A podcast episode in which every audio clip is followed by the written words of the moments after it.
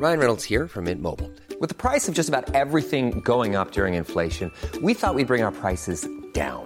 So to help us, we brought in a reverse auctioneer, which is apparently a thing. Mint Mobile unlimited premium wireless. Ready to get 30, 30, bit to get 30, bit to get 20, 20, 20, bit to get 20, 20, bit to get 15, 15, 15, 15 just 15 bucks a month. So, Give it a try at mintmobile.com slash switch. $45 upfront for three months plus taxes and fees. Promo for new customers for limited time. Unlimited more than 40 gigabytes per month. Slows. Full terms at mintmobile.com. Since 2013, Bombas has donated over 100 million socks, underwear, and t shirts to those facing homelessness. If we counted those on air, this ad would last over 1,157 days. But if we counted the time it takes to make a donation possible, it would take just a few clicks. Because every time you make a purchase, Bombas donates an item to someone who needs it. Go to bombas.com slash ACAST and use code ACAST for 20% off your first purchase. That's bombas.com slash ACAST, code ACAST.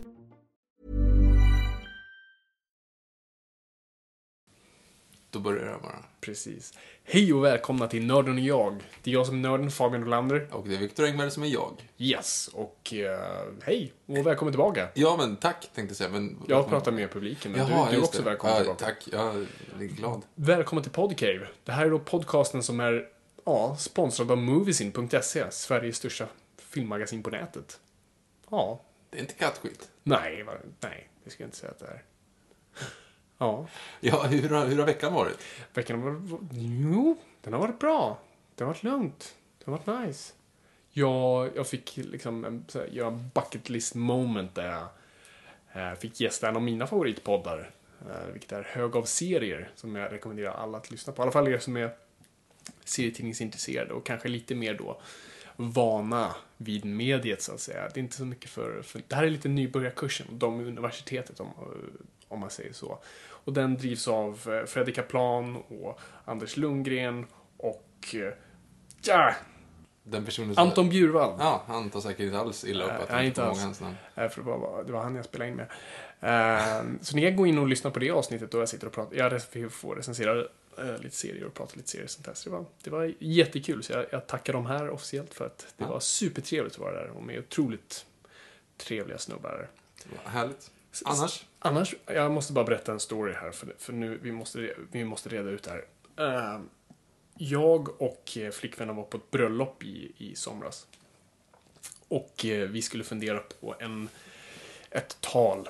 Uh, och så vi, gjorde ett, vi spelade in ett, en liten rolig sketch åt dem, som, som helt enkelt. Ehm, och vi ville sen ge dem den här sketchen på DVD. Och vi har försökt från och till att att få det gjort nu under det här halvåret. Och vår teknik har havererat lite, så vi tänkte att men vi går till en sån här lokal fotobutik, för de gör ju sånt nu. Du kan en Det finns fortfarande sådana. Alltså.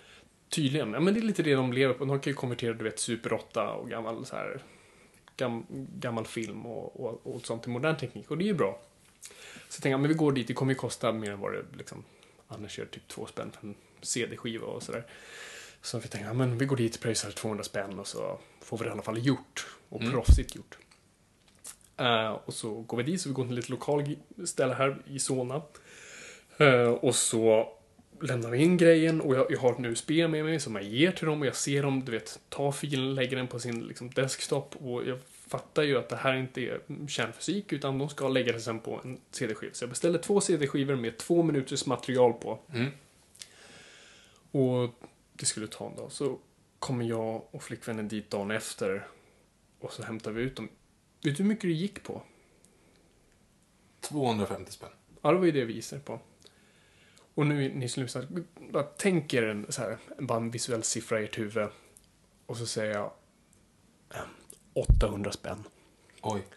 800 spänn för Det- två DVD-skivor med två minuters material på. Alltså det kan ju typ köpa en begagnad dator för med CD-brännare och göra själv. Exakt. Och eh, vi förstod, vi hade inte ens frågat om priset för vi trodde ju inte liksom att den skulle, du vet, kosta så jävla mycket. Alltså, Det var helt sjukt, så vi stod där och bara, men vad är det som kostar? Och de försökte, jo men, äh, ni hade ju tryck på, på, på DVDn. Så, jo, ja, vad kostar det? Ja, 50 spänn per skiva. Okej, men det förklarar fortfarande inte de 750 andra spännen som, som vi spenderade på det här. Och de, de, Satan vägra, vad lurade ni de alltså. vägrade att ge sig liksom. Vi, vi, förstod, vi var ju tvungna att betala den för de var ju så jävla dumma. Så nu, nu ska vi utnyttja den fria marknaden här. Undvik som pesten. Tack så mycket. Viktor, hur är det med dig? jo, det är bra. Eh, var på Melodifestivalen i helgen. Just det, du, fan du syntes i TV. Ja, jag märkte det. Fick ner, nerringd, jag tänkte säga, men jag fick en jäkla massa sms där ungefär. Oj, herregud vad obekväm du ser ut ungefär. Det var Ja, den. det var lite den så. nivån. Du, ja det var groupie, groupie-numret som du... Precis. Ja, de ställde sig där och tog en group precis vid eh, mig. Så Yeah. det, det var lite, lite så. Eh, ja, i övrigt har jag, har jag fyllt år. Just det, Viktor har fyllt år, så vi säger grattis. Det var bara igår, Ja. när vi spelar in det här i alla fall. Tack, tack. Det är ju lite speciellt också. Världen förändras ju när man fyller 25. Mm. Visare. Mer Nej, glömsk. nej, men man, eh, det känns liksom i, i, i eh, jorden, i vattnet och Mm. i luften. Och Mycket som, som en gång fanns är ju, är ju borta. Och ingen som lever idag kommer ihåg det. Mm. Det hela började med smideriet av de stora ringarna. Tre gavs till alverna, visa och vackra och odödliga. Sju gavs till Viktor, vi vet att du kan det här talet på engelska utan till så varför kör du inte det istället? It all began with the forging of the great rings. Där har du. Three were given to the elves, wise and s- fairest of all beings. Seven to dwarf lords, great miners and craftsmen of the mountain halls. And nine, nine rings were gifted to the race of men, who above all else desire power. Within these rings there was the will to govern each race, but they were all of them deceived. For another ring was made. In the land of Mordor, the Dark Lord Sauron forged in secret a master ring. But in this ring he poured his cruelty, his malice, and his will to dominate all life. One ring to rule them all.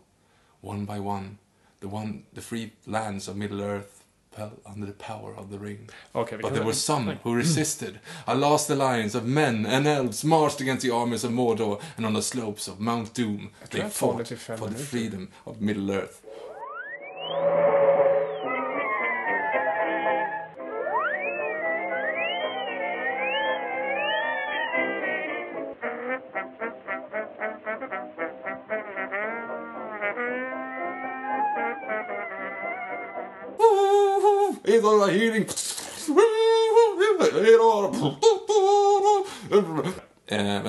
Victory was near. Ja, där fick ni en liten hint av vad vi ska snacka om idag. Eh, det blir Sagan om ringen och allt Tolkien egentligen. Vad den här podden vanligtvis går ut på är att jag på något vis har grävt djupt inom nörd och populärkultur och Viktor har med åren distanserat sig lite. Så vi ska nu liksom connecta genom att jag ska informera honom om alla de här grejerna som han håller så kärt. Men detta avsnitt går lite så här out of continuity, som man skulle säga i, i serietidningstermer. Vi kommer nu vara- befinna oss i ett parallellt universum, Ungefär. där Viktor kommer vara nörden. Ja, ja jo, alltså okej. Det låter ju fel att säga det, men, men faktiskt. Jag har läst böckerna, jag har sett filmerna för många gånger. Och vi var också, alltså jag tror alla egentligen i vår generation eh, är lite Sagan om ringen-nördar. För att, vi, Jo, för vi att vi var- var liksom i perfekta Perfekt. åldern när den släpptes. Ja. Så att man har ju liksom koll, det har man ju. Mm. Sen har inte jag koll på, på tolken och utöver det så, men, men Nej, filmerna inte, och det. du är inte liksom besatt, men du har liksom ett en generell fandom som du har hållit kvar på ett vis. Jag kan inte alviska. Nej, inte jag heller. Nej. Ehm, men um, om, om vi går tillbaka till typ 2011 då. Uh, 2001 tror jag att du menar. shit, jävlar. Ja, Mm. dumt. 2001.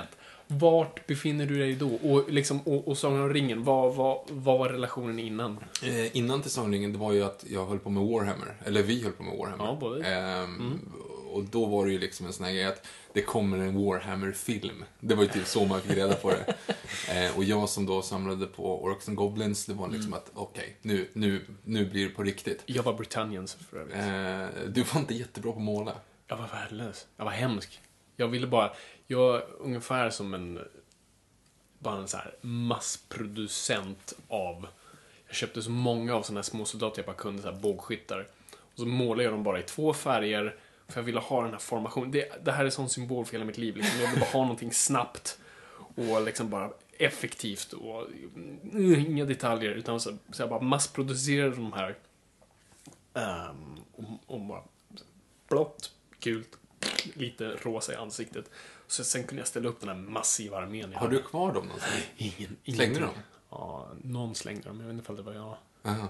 Ja, hur som helst. det var ju som att det skulle komma en Warhammer-film i alla fall. Och då sa de att det var Sagan om ringen och då så såg jag faktiskt till att läsa böckerna innan. Eller jag läste första innan första filmen. Du gjorde det? Ja, det gjorde jag. Oj, det är fan bra. Eh, och de är ju inte... Alltså då kommer jag ihåg som att det var första 80 sidorna är svintråkiga om man är 11 och förväntar sig bara slagsmål. Alltså det händer ju ingenting. Han beskriver en hob i 100 sidor. Typ. Ja, men typ. Första 80 sidorna händer ju i, princip ingenting. De hänger ju bara i ihopsalar. Eller den, den är jätteväl välskriven och så. Det är mysigt nu, men då var det helt värdelöst. För det hände, var inget slagsmål överhuvudtaget. Ja. Och du Eh, klarade igenom. Ja, det gjorde jag. Det gjorde jag. Eh, Men det var mest bara för en sån här fix-grej liksom. Ja. Det var ingen mutning av föräldrarna på andra sidan. så. Nej, nej, nej. Den var faktiskt helt frivillig. Och sen såg jag filmen då och eh, det var kärlek vid första ögonkastet. Alltså det är ju helt galet. Vad Minns, minns du när du gick och såg den? Minns du? Mm. Eh, jag såg den tillsammans med en gemensam vän till oss, Filip. Eh, Jaha. vi var på förhandsvisning av den och vi var bjudna av Coop. Eh, problemet var bara att precis då hade Coop gjort någon sån här Coop Media och de hade, gjort, de hade differentierat sig på den hela vänster så att de hade typ fem olika nya Coop-koncept. Eh, vilket gjorde att Sverigechefen för Coop höll ett föredrag på typ en och en halv timme innan filmen började. Och jag höll på att dö. Alltså det var så tråkigt. Det var så tråkigt. Och Säkert det- för de här 11-åringarna som var taggade på Jo, men precis. Och ville bara se, se blod och, och orker, liksom. Men Mm. då... Vi satt och lyssnade på det. Ja, det tog ja, lätt en och en halv timme var det den där presentationen med, med powerpoints och det var fem olika personer som gick upp och någon var dansk så jag förstod inte ens vad de sa. Jag bara satt och kollade på liksom, siffror på hur Coops utveckling i Skandinavien hade varit de senaste fyra åren. Mm. Vilket var extremt ointressant. Yes. Men sen så rullar filmen igång. Sen så rullar filmen igång och eh, nej, men det, det är ju bland det häftigaste man någonsin varit med om på bio. Mm. Eller det var det näst häftigaste. Det häftigaste var, är nog um, Konungens återkomst. nej men alltså den, den var ju hur häftig som helst. Var det häftiga? Du såg ändå Star Wars re-releasen 97, som inte jag gjorde. Eh, ja, fast eh, nej, jo, Nej. självklart. Men Okej. det är ju inte riktigt så att man, den hade man sett några gånger då när man såg den. Ja, det är precis sant. Eh, nej, nej, men Sagan om ringen var riktigt, riktigt bra. Mm. Och sen blir man ju så här, man blir besatt. När man är 11 så blir man besatt av grejer också. Det är klart. Nej, men absolut. Så fort du hittar något... Alltså, man hade nog alltid liksom... Jag hade alltid perioder Mm. som typ cirkulerade. Det var liksom dinosaurier, Bond, Indiana Jones, Star Wars. Det var typ de... Och sen Sagan om ringen då. De fem som så här typ cirkulerade. Hade du Indiana Jones-perioder? Ja, vad jag hade, man, jag hade en enorm? Indiana Jones-period. Jag bara kollade på filmerna om och om igen och ville bara ha en skinnjacka och en hatt. Och piska. Och en piska. Jag gjorde en piska. Det kan vi ta en annan gång. Jag har inte kvar den. Okej, ja, nej, ja, lite Mm. orolig annars. Hur, vad är din relation till Sagan om ringen? Eh, jag, alltså, jag var en väldigt obildad liten pojk, så jag kände inte till konceptet Sagan om ringen innan filmen. Så jag var inte en som, som, som ens, liksom, vad jag minns hade jag inte liksom någon relation till den så. Utan jag, precis som du, via Warhammer och via dig, liksom, den här filmen är på väg och, och man, ja, man bara hörde om det liksom bullrade som nere i Moria, liksom, man visste att någonting var på väg. Och sen så, kom, och så såg man bilder och trailers och fan, det här, det här, det här vill jag se. Eh, och min farsa hade läst böckerna, så han, var, han ville också gå och se den.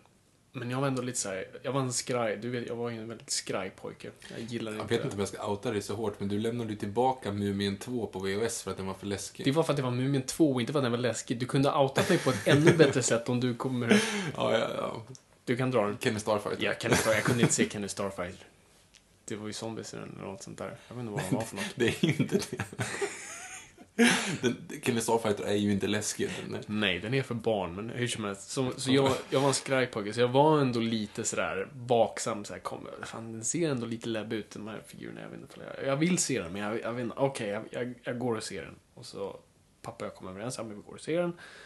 Eh, För den var ju från 11 år, så jag var ju liksom prime age. Och så hade pappa köpt biljetter till Sergel i Stockholm, sal 1, perfekt, rad 1. Nej, nej, nej, där, där vill jag inte vara. Du vet, då vill man vara så långt bak som möjligt. Det får inte vara för intensivt. För du menar att du... du- Är det, var det för att du var rädd för filmen alltså? Ja, jag vill inte sitta så långt fram. Jag kommer verkligen ihåg, och jag bara kände, kände det liksom att du jävlas med mig, eller hur? Det, det, du vill bara liksom, du vill bara göra det miserabelt för mig, eller hur? så att vi gick och såg den. Jag kommer ihåg jag satt med liksom jackan så här, riktigt högt upp vid ögonen hela tiden liksom. För att liksom vara beredd. Men den sjönk hela tiden ju mer, här, längre in i filmen vi kom. Så bara, och till slut så var den nere vid, liksom, eh, i famnen. Och jag ja, såklart också blev helt så här tagen av det. Mm. Så det...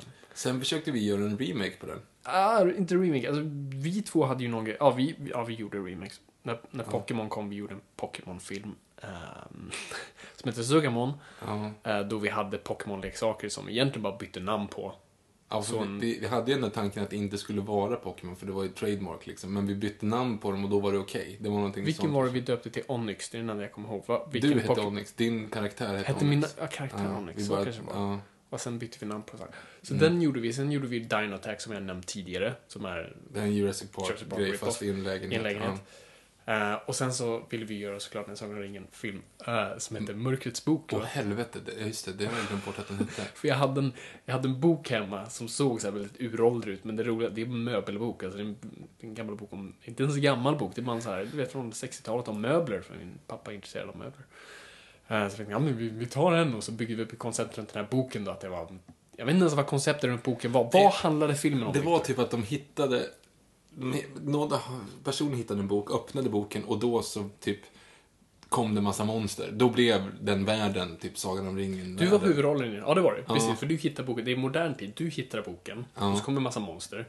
Ja, Och sen blir du typ besatt av boken och försvinner in i boken, typ. Eller du precis. Och då möter du mig som är en trollkarl. och det är jag i en morgonrock och en hockeyklubba. Alltså det är liksom, det är inte... Utomhus i december uppe i Söderhamn. Så det är så här, Och det här är det som är så fantastiskt. Vi, vi, vi, du vet, man vill ju filma liksom hela tiden. Eh, och sen blir det ju mörkt såklart. Och de här gamla DV-kamerorna kan ju inte... Alltså, Nej, den ens, såg ju ingenting. Är klockan bara efter klockan tre så är det brusigt. Så att vi kom på idén, jo men fan, vi skjuter med en ficklampa. Så vi, lys, vi bad kameramannen, vem det nu var, Jonas Andersson. Jonas Andersson, att bara peka med kameran och ficklampan på det som rörde sig. Ja, herregud, och det fanns inget ljud och vi gick bara runt. Vi, det var inte ens, vi hade ju, det, liksom, vi kom inte så långt i handlingen för Ja. vi kom inte på vart det skulle sluta. Vi bara liksom... vi var ändå liksom, man måste, ja, att inget av det vi gjorde var särskilt bra, men vi försökte i alla fall hålla upp en story och så här, och en, och en röd tråd. Men det här var, vi gick omkring i skogen och visste inte vad vi skulle göra. Så Jag jag- kommer just en scen när du ska ge mig typ motsvarande sting, alltså svärdet, eller den här kniven Ja, som det, du har. då. kniv, ja. Eh, och då hade vi inte, vi hade inget manus utan vi bara satte igång kameran och så skulle du liksom freestyla fram storyn bakom det där. Mm. Och då, just den, just den scenen när du säger något sån här, här är kniven, smidd av eh, dvärgen Gandorf.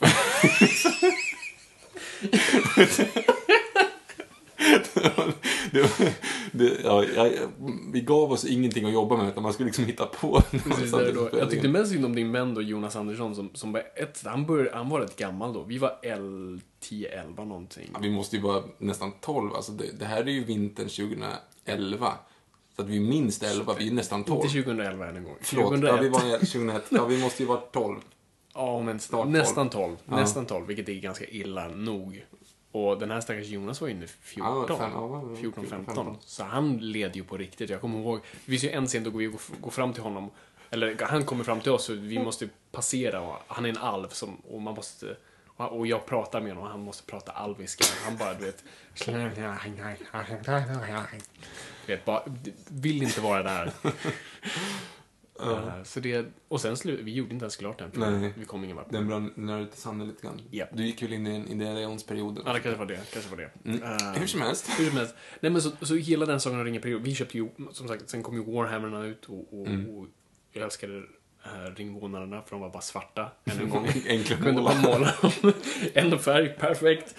Ehm, och så, jag kommer ihåg att jag köpte, den har jag här också. Jag har den här Sagan om ringen-ringen. Ja, just det. eh, som jag köpte. Eh, kommer du ihåg, du vet det här stället, för er som bor i Stockholm. Det fanns ett ställe på Kungsgatan. Fantasy-butiken där. fantasybutiken Mm, som sålde bara massa så här skumgummihammare och svärd och också typ riktiga svärd och sm- smycken och sånt där. Som nu inte finns längre. Om den hade funnits kvar idag, jag lovar det, de hade liksom haft fan eh, en kedja nu. nu när cosplay liksom, Mm. grejen är så stor.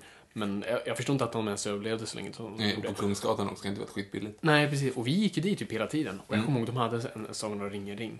Och jag ville verkligen ha den och den kostade 200 spänn. Och 200 spänn för en 11-åring är fan med mycket. Ja, det är dyrt. Så jag kommer ihåg att jag gick och köpte den typ på juldagen någon gång. Runt jul, för då hade man fått lite pengar liksom, Mm. från julen. Eh, Men jag ville inte säga det till någon, till- framförallt till mina föräldrar, så jag bara hade den och bara visade den inte för någon. och bara använde den aldrig till något, utan bara hade den och bara låg någonstans. You're precious. Ja, precis. Lite så. Eh, och det var inte mer med det. Sen hade du en också, men den hade du fått. Ja, jag fick en... Den Och den var bättre. också. Den här är skit för övrigt, ska jag Ja, säga den, den är jättetunn. Den är Det tunn, en- smal och här, lite kantig. Den har liksom inristat såklart texten, men nej, det det är fan inte bra grejer. Ja, nej, Det är ju metallmålat liksom. Det är guld. 200 Nej, spänn att, man, att man kan bli lurad på de sätten. Nu, är det ju, nu finns det ju på riktiga grejer. Fast Ja, ja, guldfynd har väl liksom... Guldfynd och, och liksom, och fan på nätet kan man ändå köpa Mm. ringar som ändå ser ut som den. Men då var det ju ändå fortfarande ganska ovanligt med den här Fankulturen. Och I alla fall så pass stor och, Mm. och bred. Så att... Uh, köpte du mer grejer? Det var ändå lite för gamla för leksaker. Ja, det hade vi ju inte. Så hade, men Warhammer är bara en War- ursäkt för leksaker. Ja, oh ja, det, jaha, Som verkligen. actionfigurer nu. Nej, men all, man hade jättemycket med Warhammer. Och faktiskt, jag lärde mig att spela Sagan om ringen Warhammer också. Ehm, Vilket jag inte gjorde med de andra Warhammer. Då bara målade man ju och hade dem liksom. Vem spelar du med om vi inte lärde oss? Vem spelar du med då? För jag lärde mig inte de där reglerna. Jo, men jag hade de här böckerna de var ganska mycket lättare, de reglerna. Men vem spelar du Jag mot? tvingade min far någon gång. Men jag, Stackars din ja, far. jag vet. Ehm, men jo, men det gjorde jag faktiskt. det, Eller, var, det var med såna här plastpinnar var du mätte hur långt de skulle gå och Ja, ja, man slog tärning om de träffade eller inte. Och Det är ju rätt nördigt. Sen hade du tv-spelen, kommer jag ihåg. Tv-spelen, precis. Två toner i alla fall. Det var den enda som gjordes till tv-spel. Och såklart sen Konungens återkomst. Men Ja, och så gjorde de ju den här typ Inofficiella. Det som första ringen. baserad på boken. Den har jag för mig i mitt huvud var så här, den var skitbra. Ja, jag, jag har också för mig att det var det, men jag, jag har inte liksom... Men det är fantastiskt när man kan typ göra en liksom ett tv-spel till typ Tom Bombadil är bossen. Alltså jag kommer inte ihåg, men han hade typ en stor roll i Han den. en skitstor roll och han sjöng hela tiden, lika irriterande som det är i böckerna. Som i boken, precis. Ja. Just det, jag måste ju också bara nämna böckerna. Jag, jag vill ju såklart ha böckerna. Mm. Ja, de står ju här i hyllan. De står i böckerna, eller i, i bokhyllan precis. Och eh, jag ville jättegärna ha dem. Eh, Och jag fick alla tre och, och mina föräldrar tyckte, ja, fantastiskt, när du ska se böcker. Mm, Bra. Grejen är, jag är dyslektiker. Eh, det här vet vi inte vid den här tiden, men jag kan inte läsa en bok med 20 sidor, sen liksom tappar jag intresset för att det är bara skitjobbigt. Så att jag, läser ju inte mer än 20 sidor och sen bara Alltså lägger jag undan den och så, och så har den bara legat. Jag har fortfarande, jag har läst första boken liksom flera år senare. Så Den har jag kommit, gått igenom, men de andra har jag, nej, har inte ens öppnat. Och, och ja. Jag sa typ att det var typ det bästa jag hade fått, men jag, Ja, det, det bästa presenten du någonsin fått i ditt liv var just Sagan om ringen-böckerna. Men du hade då inte... Det berättade du inte att du inte hade läst dem. Det var ju som att... ja.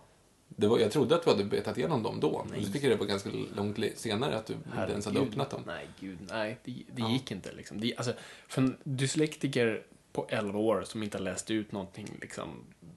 Kalle Anka-tidningar. Ja, precis. Kalle Anka-tidningen var det närmsta jag kom att läsa ut. Och helt plötsligt gå på Tolkien liksom. Nej.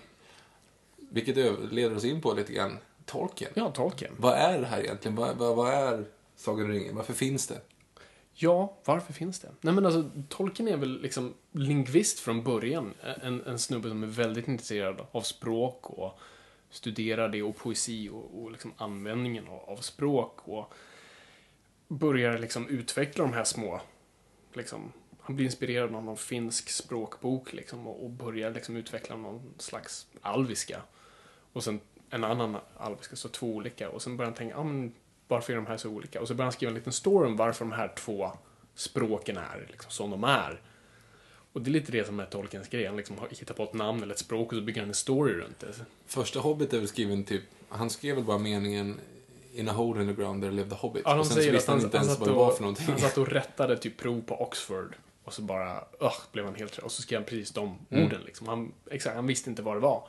Och så bara, det är ju Tolkien ganska känd för att inte veta var han är på väg någonstans. Det är därför han tog så jävla lång tid på sig. Han bara skrev och så bara visste inte var, var de var på väg. Och det var ju, det var ju en, Hobbit var ju en barnbok från början. Eh, och det var det den publicerades som. Och den sålde väl ganska bra tror jag. Den var väl ändå en sån här Ja, det, måttlig succé. det borde väl ha varit. Ja. Annars vore det inte så känd idag antar jag. Nej, Det är ju sånt här som du ska veta. Ja, Jag- ja, jag, jag, som sagt, det här är inte min forte, men det här är det jag liksom plockat upp med tiden. För den stora grejen var väl också att det var ju han och C.S. Lewis, hans, hans polare. Ja, Eh, C.S. Lewis som då författaren till ja, Nå- berättelsen om Narnia. Narnia-serien. Och C.S. Lewis brände väl ut en bok i, i, om året, typ. Ja, hans var ju betydligt kortare dock, men ja. Jo, men alltså att Han det var ändå många liksom fler. att det hände, hände massa grejer hela Mm. tiden. Och Tolkien tog det 13 år att skriva Sagan och sånt ja, där. precis. Han var ju 62 när Sagan om ringen först kom ut. Mm. Eh, var ju, så han hade ju hållit på ett tag med dem. Och då också, alltså, då var han ju klar med hela grejen, så de delar upp dem i tre delar, vilket han var ganska motvillig till. Men då var papper ganska dyrt efter kriget, så att det var bara att släppa dem separat på så vis. Och det, det blir en riktig succé, framförallt kulturellt. Mm. Hur det bara liksom slår en gnista hos unga. Och alla åldrar egentligen. Det var liksom äh, han som äh, jobbade för publiceringshuset var i New York på 60-talet någon gång och hittade klotter på tunnelbanan det stod Frodo lives. Och bara, hmm, den här boken har verkligen liksom slagit någonting. Ja, det är häftigt. Just om man kollar också på temana i Sagan om ringen, det är egentligen en ganska enkel story. Alltså om man tänker rent hårt, det, är, de ska, de, det finns en ring som är ond och den ska förstöras. Ja, precis. Och det är ganska linjärt, men sen så finns det ju så pass mycket fler lager kring den Ja. och det är så mycket tankar bakom den. Vilket också är också, spelar av sig i de första filmerna. Ja, nej men alltså för, för Tolkien, liksom, i all hans, liksom, vad ska man säga, mm, den mästare som han är, var inte så intresserad av story. Han var intresserad av att prata om blommorna och växterna och språken och de olika arterna och allt sånt där. Alltså bygga världen. Mm. Och det är väl det, så jag pratade med, jag träffade, jag var på middag häromdagen och just pratade med Sagan om ringen-fan och frågade så här, vad är det med Sagan om ringen som får dig liksom att gå med i de här Tolkien-samfunden och, och du vet, hon hade du vet, studerat alviska och allt sånt där. Och, och det är ju ganska simpelt, ja men det är världen. Alltså det, det, det, är det, är. det, det, det är en värld man kan ta på. Det är, det är en sån pass välbeskriven värld, du kan verkligen vara där. Och det är väl lite det som folk tänker med typ Game of Thrones idag. Liksom. Det, det är framförallt den här kartan. Mm. Och du kan liksom... Ja, nej, men det känns genomarbetat helt enkelt. Det är inte bara Super. liksom, det är inte bara så. Eh, nej, för det är också en, en rätt häftig grej man tänker på i Sagan om de två tornen. Är det Mm. väl framförallt Frans Tinne. Han var ju krigsveteran, Tolkien. Han var ju med i första Första världskriget. världskriget, precis. Och första världskriget är ju det kriget där verkligen de gamla typen av, em, av eh, krigsföring går mot den nya typen av krigsföring. Ja, ja, Alltså, där hade du ju bokstavligt talat liksom, du hade ju sista kriget med hästar. Eh, och, du hade, och då hästar mot maskiner. Liksom. Här Mm. börjar även pansarvagnarna dyka upp. Så det blir en otroligt skum Mm. kontrast mellan det nya och det gamla. Som Du kan ju slåss. tänka dig liksom de här som kommer med ett kavalleri som har varit the shit i tidigare krigsföringar och så möter man en här med pansarvagnar. Du har ju ingenting att sätta emot överhuvudtaget. Liksom. Mm. Och det är lite det som gör. Han, han såg väl hemskheterna i skyttegravarna där och sen så lät han ju faktiskt naturen förstöra stålet sen i två tornen när enterna invaderar Isengard. Det är Mm. väl ett, eh, ett Mm. ganska tydligt statement. mot Jo, det. precis. Alltså, det man måste komma ihåg med Tolkien för det första att han hatar allegorier. Um, många har ju dragit sig, ja men ringen handlar om droger eller det handlar om makt Mm. och det handlar om Hitler och allt sånt där. Så han var till och med tvungen att gå ut i en senare version av boken, skriva ett förord och bara glöm allt det där. Jag, jag hatar allegorier, det är ingenting jag skriver om. Jag, jag skriver liksom stories som jag gillar. Men jag tror absolut att det finns en slags romans i allting. Som, alltså han älskade hästar, så ju Rohan som, som liksom Mm. hästälskande folk. Och det har ju såklart enterna och han älskade träd och sånt där. Så såklart saker som han... Alltså ingen kan ju skriva någonting utan att ta med någonting av sig själv. Självklart. Så att såklart saker följer med. Men jag tror absolut inte att han faktiskt hade så här, ah, men nu ska jag skriva om, om eh, Marana. Nej, men det blir ju ändå, det blir ju ändå väldigt, väldigt tydligt när de hugger ner skogen för att göra stål och Absolut. industrialisera och sen så kommer liksom naturen Definitivt. tillbaka. Ja, men han var ju en Ja. teknofob. Det, det är ju känt och jag tror Mm. absolut att det framkommer. Och det var någon sak han ändå ville prata om i alla fall på något vis. Men inget, så här, inget message han ville trycka ner i folks halsar. Nej, Och- men det, det, För det är det som är ganska roligt med kontrasten med C.S. Lewis. Som, som sen blev ganska djupt kristen och verkligen pumpa allegorier i Narnia. Ja, alltså det, det är väl ingen som kan säga emot att Aslan är Jesus, Jesus, på så precis. många nivåer. Definitivt. Så det, det, är liksom, där har man det. Men, nej men Tolkien gillar inte de bitarna av det. Utan han ville by bygga sin värld. Och, Mm. ascoolt egentligen när man tänker på det. Ja, för han hade inte behövt. Alltså han hade inte behövt utveckla ett, ett riktigt språk kring alla de här grejerna. Han hade inte behövt att ha en, en backstory på allting. Utan Mm. det hade ju räckt med bara de här. Fast det är klart, då blir det ju en helhet som är mycket häftigare. Alltså det är ju en helhet som känns mer genomarbetad. Som alltså. Mm. Och det var ju tydligen bara så här, top the iceberg. Han hade ju så mycket mer. Och det var ju det som trycktes in i sen den här boken Silmarillion. Som han inte blev klar med. Som hans son bara för att tvungen att klippa och klistra ihop på ett sätt. Mm. Så att han hade ju, det var ju så mycket mer historier. Och jag tror att han pratade själv om så här, jo men jag liksom ligger i grunden nu, ska andra få, få ta över mina stories och fortsätta. Men det, det har inte hänt. Jo, de försökte. Peter Jackson försökte väl med The Hobbit-serien här. Fast det var väl ändå saker, ja, det kan man ju faktiskt argumentera.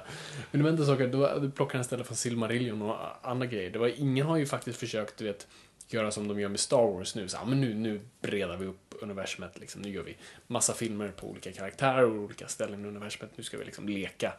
Och så har vi grundstoryn i mitten. Men det, det gjorde man aldrig med, med Sagan. Undrar varför man inte gjorde det. Jag vet inte. Är det har, har inte gjort det? Finns inte fanfiction och massa såna här Fanfiction finns överallt. Det finns säkert någon där Sherlock och Frodo liksom is getting it on. Eh, jag lovar. Jo, fan, jag hörde någonstans om... Jo, vet du vad? Jag har en vän som, är, som älskar fanfiction. Det finns en fanfiction, stay with me now, där Benedict Cumberbatch, Smaug och ehm, inte... Vad heter han som spelar Bilbo? Nu glömmer jag bort. Eh, Marty Freeman. Martin Freeman då. Is getting it on. Fast Martin Freeman är inte Bilbo, han är Watson. Aha. Så det är en relation mellan draken och Watson. På ett väldigt homoerotiskt sätt. Jaha, vad härligt. Eh, så sånt finns jag. Har du läst den? Nej. Nej. Jag, fanfiction och jag kommer inte riktigt... Nej, jag har aldrig gett mig på det. Det jättekul folk som är intresserade. Jag uppmuntrar, fan, go do your thing liksom. Men, men det är ingenting för mig. Ah. Eh, men det finns nog absolut, alltså, ja, alltså det måste ju finnas fanfiction. Så i stort sett 50 Shades of Grey i, i liksom Middle Earth. Då liksom bara Sam och Frodo bara, du vet, underkastelse ständigt. Ja. Bondage. Mm. Och där kommer Gollum in någonstans också. De har dem i koppel hela tiden, det är lite kinky. Han är på fyra. Nu känner jag att det börjar spåra igen. Sorry. Ja. Jag tänkte säga Andy Serkis var ju en sån här kroppsdräkt. Ja, ah, skitsamma. Okej. Vi dumpar det här nu. Vi dumpar Det här det. blev creepy. Det gick väldigt creepy väldigt snabbt. Tolken, gammal gubbe. Ehm, ja. Jag bara tänkte för att det går inte att säga så mycket egentligen mer om, om böckerna mer än att Men vad de du, blev vilken var din favorit av böckerna? Eh, För du läste alla. Jag läste alla. Alltså egentligen, jag skulle nästan säga att, att Bilbo är det. Alltså, eller The Hobbit. Mhm. Eh, jag tycker att den är... Många tycker ju inte om den. Ja, men det är ju en barnbok och den, den är perfekt utifrån den perspektivet den är. Liksom. Alltså, Mm. utifrån det enda målet. Ehm, sen kanske det också är att man, jag läste igenom den en dag på en strand, liksom. För att det, man liksom fastnar i det och det är ganska enkelt och begripligt. Det är ju lite körigt att läsa eh, Sagan om ringen-böckerna. Ja. Eh, Och framförallt, jag läste ju först med den här översättningen som var... den första- felaktiga ja, då. den s- det, är, alltså, det är ju svår, det är ju svårt att begripa. Liksom. ja. Och det har de väl till och med sagt, alltså Tolkiensällskapet i, i, i England har väl gått ut och sagt ungefär som att den här översättningen suger. Det har de säkert. Jo, men jag har för mig att de har gjort det, att det var någon sån grej. Det var därför de också gjorde om den. Mm. Den har inte jag läst. Jag, som sagt, jag har ju bara läst första. Men, eh, Mm. och jag, det var ju också en gammal översättning. Jag vet inte, har du läst någonting om de nya översättningarna? Nej, nej, nej, Men nej, nej. heter de, då kallas liksom arten för hobbits och inte hober? Ja, precis. sådana grejer. Och, en- och uh, Rivendell istället för Vattnadal och Mm. jada, jada. Det är liksom, de kör om alla namn. Ja. eh, Så att det ska passa bättre med varandra. För han, alltså den, vad heter den personen överhuvudtaget? Jag vet inte. Vem? Det står i, i dina böcker här. Vad, vad han hette som översatte dem. Ja, fråga inte mig. Eh, nej, jag, jag vet inte vad han heter. Skitsamma, det är inte så viktigt. Eh, nej, för han tog väl väldigt mycket friheter och döpte om allt möjligt och gjorde om. Liksom. jag Så kan att- tänka mig, i, liksom, i, en, i en, en tid där internet finns och man bara sitter där och bara Fuck you Tolkien, jag orkar inte gå igenom allt det här. jag, nej, fan, jag plockar lite grejer från svensk mytologi och bla bla bla. Ja, att det heter fylke överhuvudtaget är väl ganska ologiskt. Alltså Shire. För fylke är väl län på norska bara. Ja, det är kanske är därför han tog det då. Och, men Shire kanske då också har en koppling till län på... Nej, jag vet inte. Jag, Inte vet jag. Vad Nej. be- Vad betyder Shire? Jag, jag, jag vet inte. Alltså, Hör av er på hashtag Noipod om ni vad Shire. Nej, men på tal om mytologi, vilket jag tycker också är ganska intressant med Tolkien. Tolkien verkligen, du vet, han kände sån stor sorg över att England inte har en mytologi. En egen, liksom, som de kan identifiera sig med. Mhm. För allt de egentligen hade, vet, kung Arthur och allt det där, det är ju taget från fransmännen. Det är inte deras. Jaha, ja. Så det var någonting som på något vis kom, kom dit när, under krigen mellan, mellan Frankrike och England. Och, och det, det lilla som England hade som, som mytologi försvann. Och det sörjde Tolkien otroligt mycket. Så av att göra Sagan om ringen var också någonting för honom att bygga en mytologi för England. Trots att det inte utspelar sig där. Men trots allt en mytologi. För att vad fan har England? Alltså, Nej, jag, Robin Hood. Ja, men Robin Hood är väl det och William Wallace, men det är ju inte England. Det är, ju- det är Det är Mel Stor- Gibsons Storbritannien. fantasi kan vi säga. Ja, Nej, men William Wallace. Storbritannien. Det är Men han fanns ju på riktigt William Wallace. Han är Ja, inte så ja. mycket en mytologi förutom... Ja, sig, man kan kalla Braveheart för en mytologi för det är väl inte så mycket sanning i den. Eh, nej, framförallt inte den versionen av det. Jag är ju lite historieintresserad här Mhm. också. Alltså, det finns ju ganska många, många stories där kring vad, vad William Wallace gjorde på riktigt och inte liksom i Braveheart-versionen av att han är den här fantastiska, nobla personen i verkligheten. Utan till Mm. exempel, eh, han lät ju flå en engelsk lord, lord och hade Förlåt, en ängels lår. en engelsk lord, det var jättesvårt att säga, en engelsman. Makes so much more sense när du säger en ängels lår. En engelsk lord. Nej, han flådde i alla fall en engelsman Mm. och eh, lät göra ett, eh, en väska för sitt svärd, eller ett hölje för sitt svärd av den, den huden. Jag önskar att du stoppade i väska. Det hade varit så fint. En handväska. Ja, men typ. Buffalo men Bill det, Wallace, det, det är liksom. väl en sån grej som liksom kanske inte riktigt hade fått Mel Gibson-versionen att vara lika sympatisk. Man hade inte hållit på honom på samma sätt. lotion on its skin or else it gets the holes again. Jag kan nästan Precis, det hade inte varit eh, riktigt samma sak. Mm. Men det är inte Tolkien. Nej, nu, nu gick, kom vi av oss igen. Ja, det, vi får säga till oss alltså. Det är Ja. för, hur Dumt. som helst. Vi, har du sett eh, 70-talsversionen av eh, Sagan om ringen-filmen? Ja, den tecknade. Precis, för att, för att det var ju en succé. Alltså, man måste komma ihåg, Sagan om ringen är den liksom, näst mest lästa boken efter Bibeln och antar IKEA-katalogen nu då. Det är Eh, inte så många som läser den. Jag tror att de, de trycks i jag mest tror många upplagor. läser den. Jo, jag tror att det där... Folk samlar på TV Guide, såklart. de, folk... de trycker fler IKEA-kataloger än biblar, men jag Okej. tror inte att det är fler som sitter och läser dem pärm Okej, till ja pärm. men det makes sense. Precis ungefär som man kan säga att Trollkarlen från Oz är den mest sedda filmen, men inte den mest köpta filmen. Det tror jag är Scarface. Oj. Scarface tror jag är den mest köpta filmen. Aha. Men Trollkarlen från Oz är den mest sedda. Ja. Skitsamma. Vad var jag? Jo, precis. Den mest lästa. Så såklart är ju liksom, vill ju folk göra film av den. Och, och, och många sa ju, bland annat Tolkien själv, den är ofilmbar. Det går liksom inte. Det är, det är för mycket, det är för stort. Så det, den cirkulerade ju länge. Och jag tror någon typ av Beatles skulle göra en version. Mm, Paul McCartney, ja just det, just det. Och John Lennon som eh, Gollum, va? Var det inte det? Ja, något sånt där. Mm. Och Tolkien sa bara nej, glöm. Eh, nej. Eh, hur mycket jag än velat se den filmen så jag tror det var en bra idé ändå. Jag tror det var värt att offra. Eller fan, jag vill se den. Om man kollar på den. Kollar man ändå på Help, alltså det hade varit en riktigt trippy film. Det hade Men den är ju väldigt trippig, den 70-talsversionen av Sagan om ringen Ja, också. den har jag ju också sett. Den, har du sett den? Ja, jag har sett den. Den är, den är lite smårolig. Framförallt att de just blandar live action med, med det tecknade. Ja. Alltså det är ju, det är ju uppenbarligen jättemycket taget också av eh, Peter Jackson-versionen från den filmen. Alltså till exempel, det finns ju scener som är rakt av. Big Feet, du vet den. Mm. Eh, den scenen är rakt av. Mm. Ehm, så att han är säkert väldigt inspirerad av det. Det tror jag. Alltså Men- det var ju ändå som han, så att vi bara... Men den är ju galet trippy. galet trippy, inte så här superpåkostad. Uh, och där har vi så här stridsscener så bara, fuck, vi kan inte, vi kan inte, vi kan inte rita det här. Ja, men vi, vi tar några snubbar och så kör vi en sån här trippy jävla LSD-effekt på. Så får de slåss och så ser det tecknat ut och det ser bara Ja, det, ut. den jag, jag kan inte säga att jag kommer ihåg mycket av den. Men, Nej, jag har bara sett den en gång och jag tyckte att den var lite Och det, jag tror det finns en hobbit Det finns en Hobbit också. också, Mm. ja. Som är typ gjord på samma sätt. Men Mm. nej, det var inte bra. Smaug är typ en, en katt. På riktigt? Eller? Nej, men det ser ut som en, en det är ett kattansikte liksom, en drakkropp. Det Jaha, så det är typ, vad tänker jag på? Jag tänker på en mix mellan uh, My Neighbor Totoro. Jag, jag, inte varför jag tänkte på kattbussen.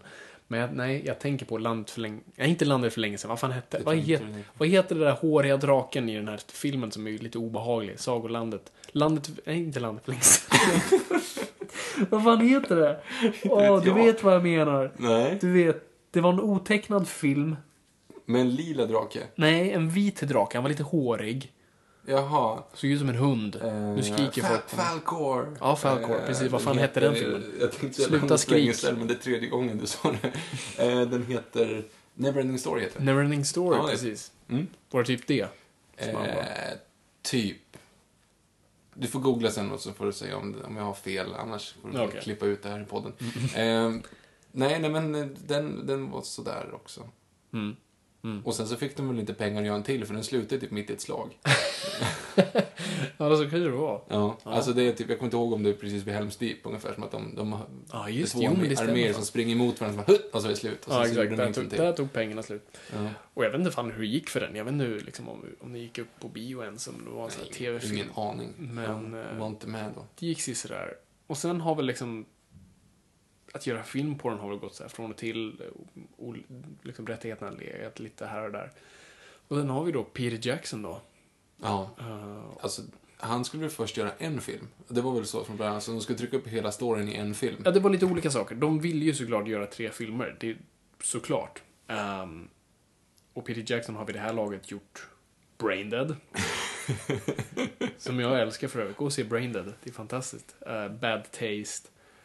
Uh, och sen har han gjort, jag tror han har gjort Heavenly Creatures vid det här laget. Så han har ändå gjort en sån här classy film, du vet, med Kate Winslet och, och sånt där. Uh, och sen har han gjort en till bok som är någonting med Forgotten Silver. Mm.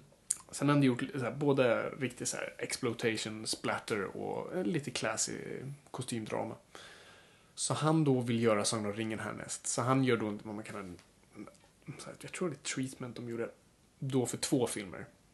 Och då går de till då eh, Bob and Harvey Weinstein. Bob and Harvey Weinstein är liksom legender i Hollywood. eh, och ni ser dem varenda Oscarsgala att någon tackar dem för att de är de bästa, du vet. Producenterna verkligen pushar en film. De kom på liksom konceptet att jo men fan de flesta av Academy Awards-medlemmarna är ju liksom 60-plussare. De flesta bor på liksom ålderdomshem och orkar inte ta sig ut. Så de började liksom printa upp VHS och skicka omkring.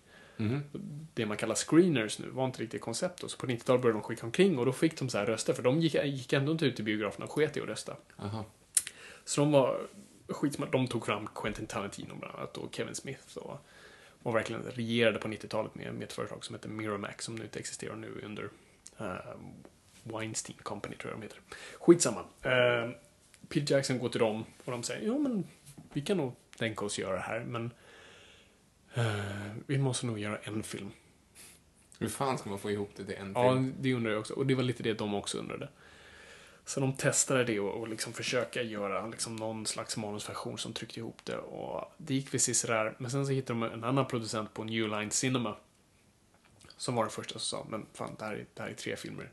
Ni kan ju inte vara dumma i huvudet och liksom göra, göra det. Så de överger då Weinsteins, eh, Eh, som ändå har pushat massa pengar. Så de måste liksom köpa tillbaka den och betala dem det, det beloppet.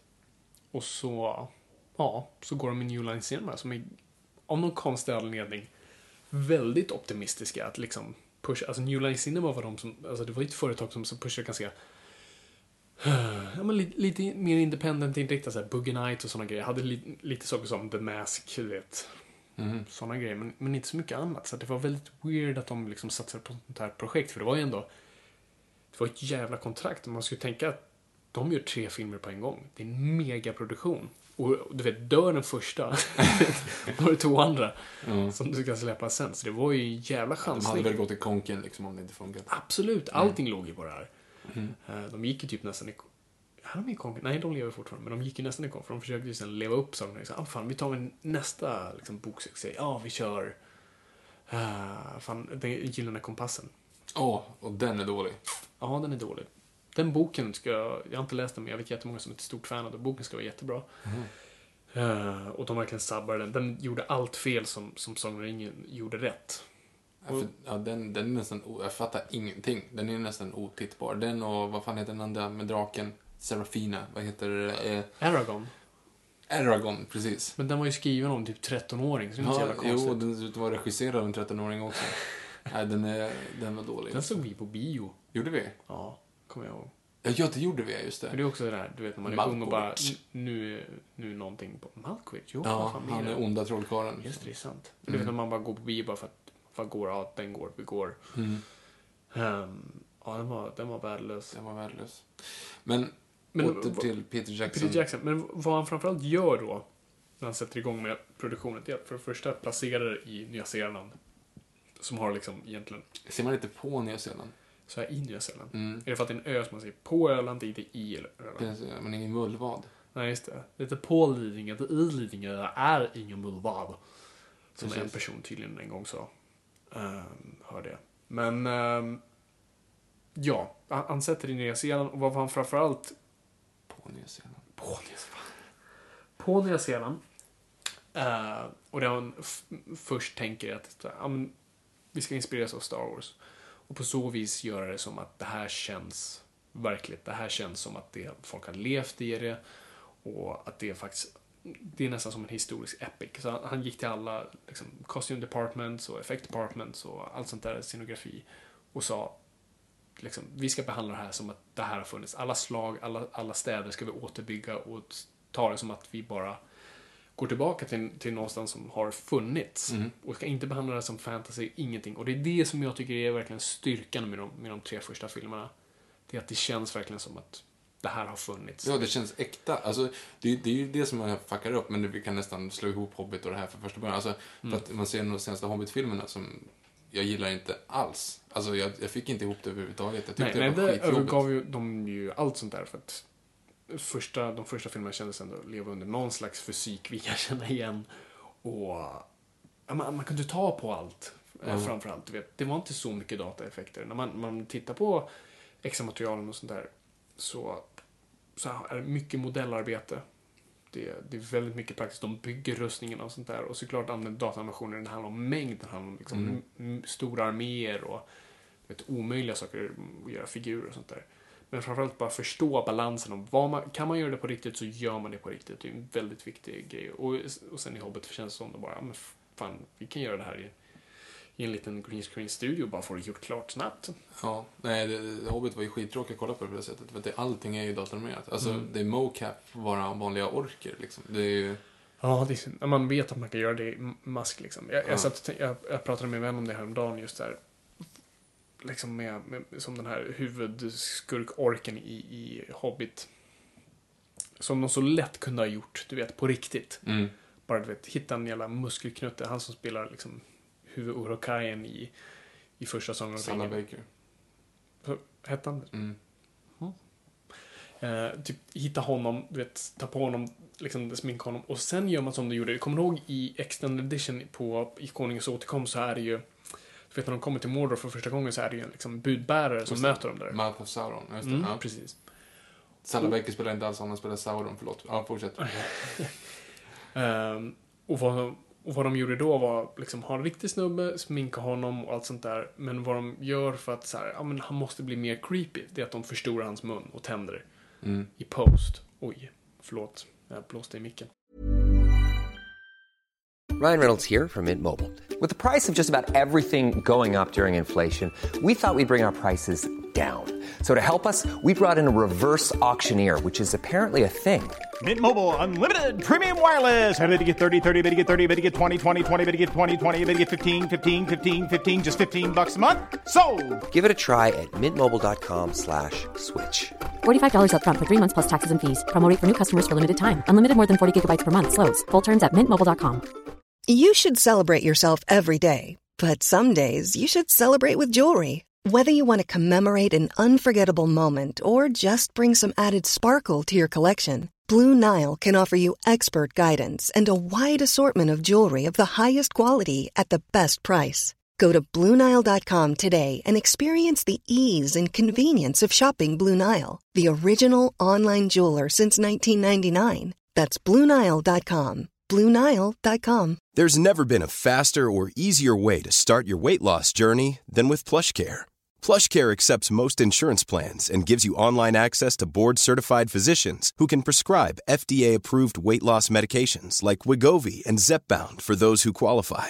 Take charge of your health and speak with a board-certified physician about a weight loss plan that's right for you. Get started today at plushcare.com slash weight loss. That's plushcare.com slash weight loss. plushcare.com slash weight loss. Post. I Post och då bara gjorde de extremt obehagligt, bara någonting som känns fel men du kan inte sätta finger på det.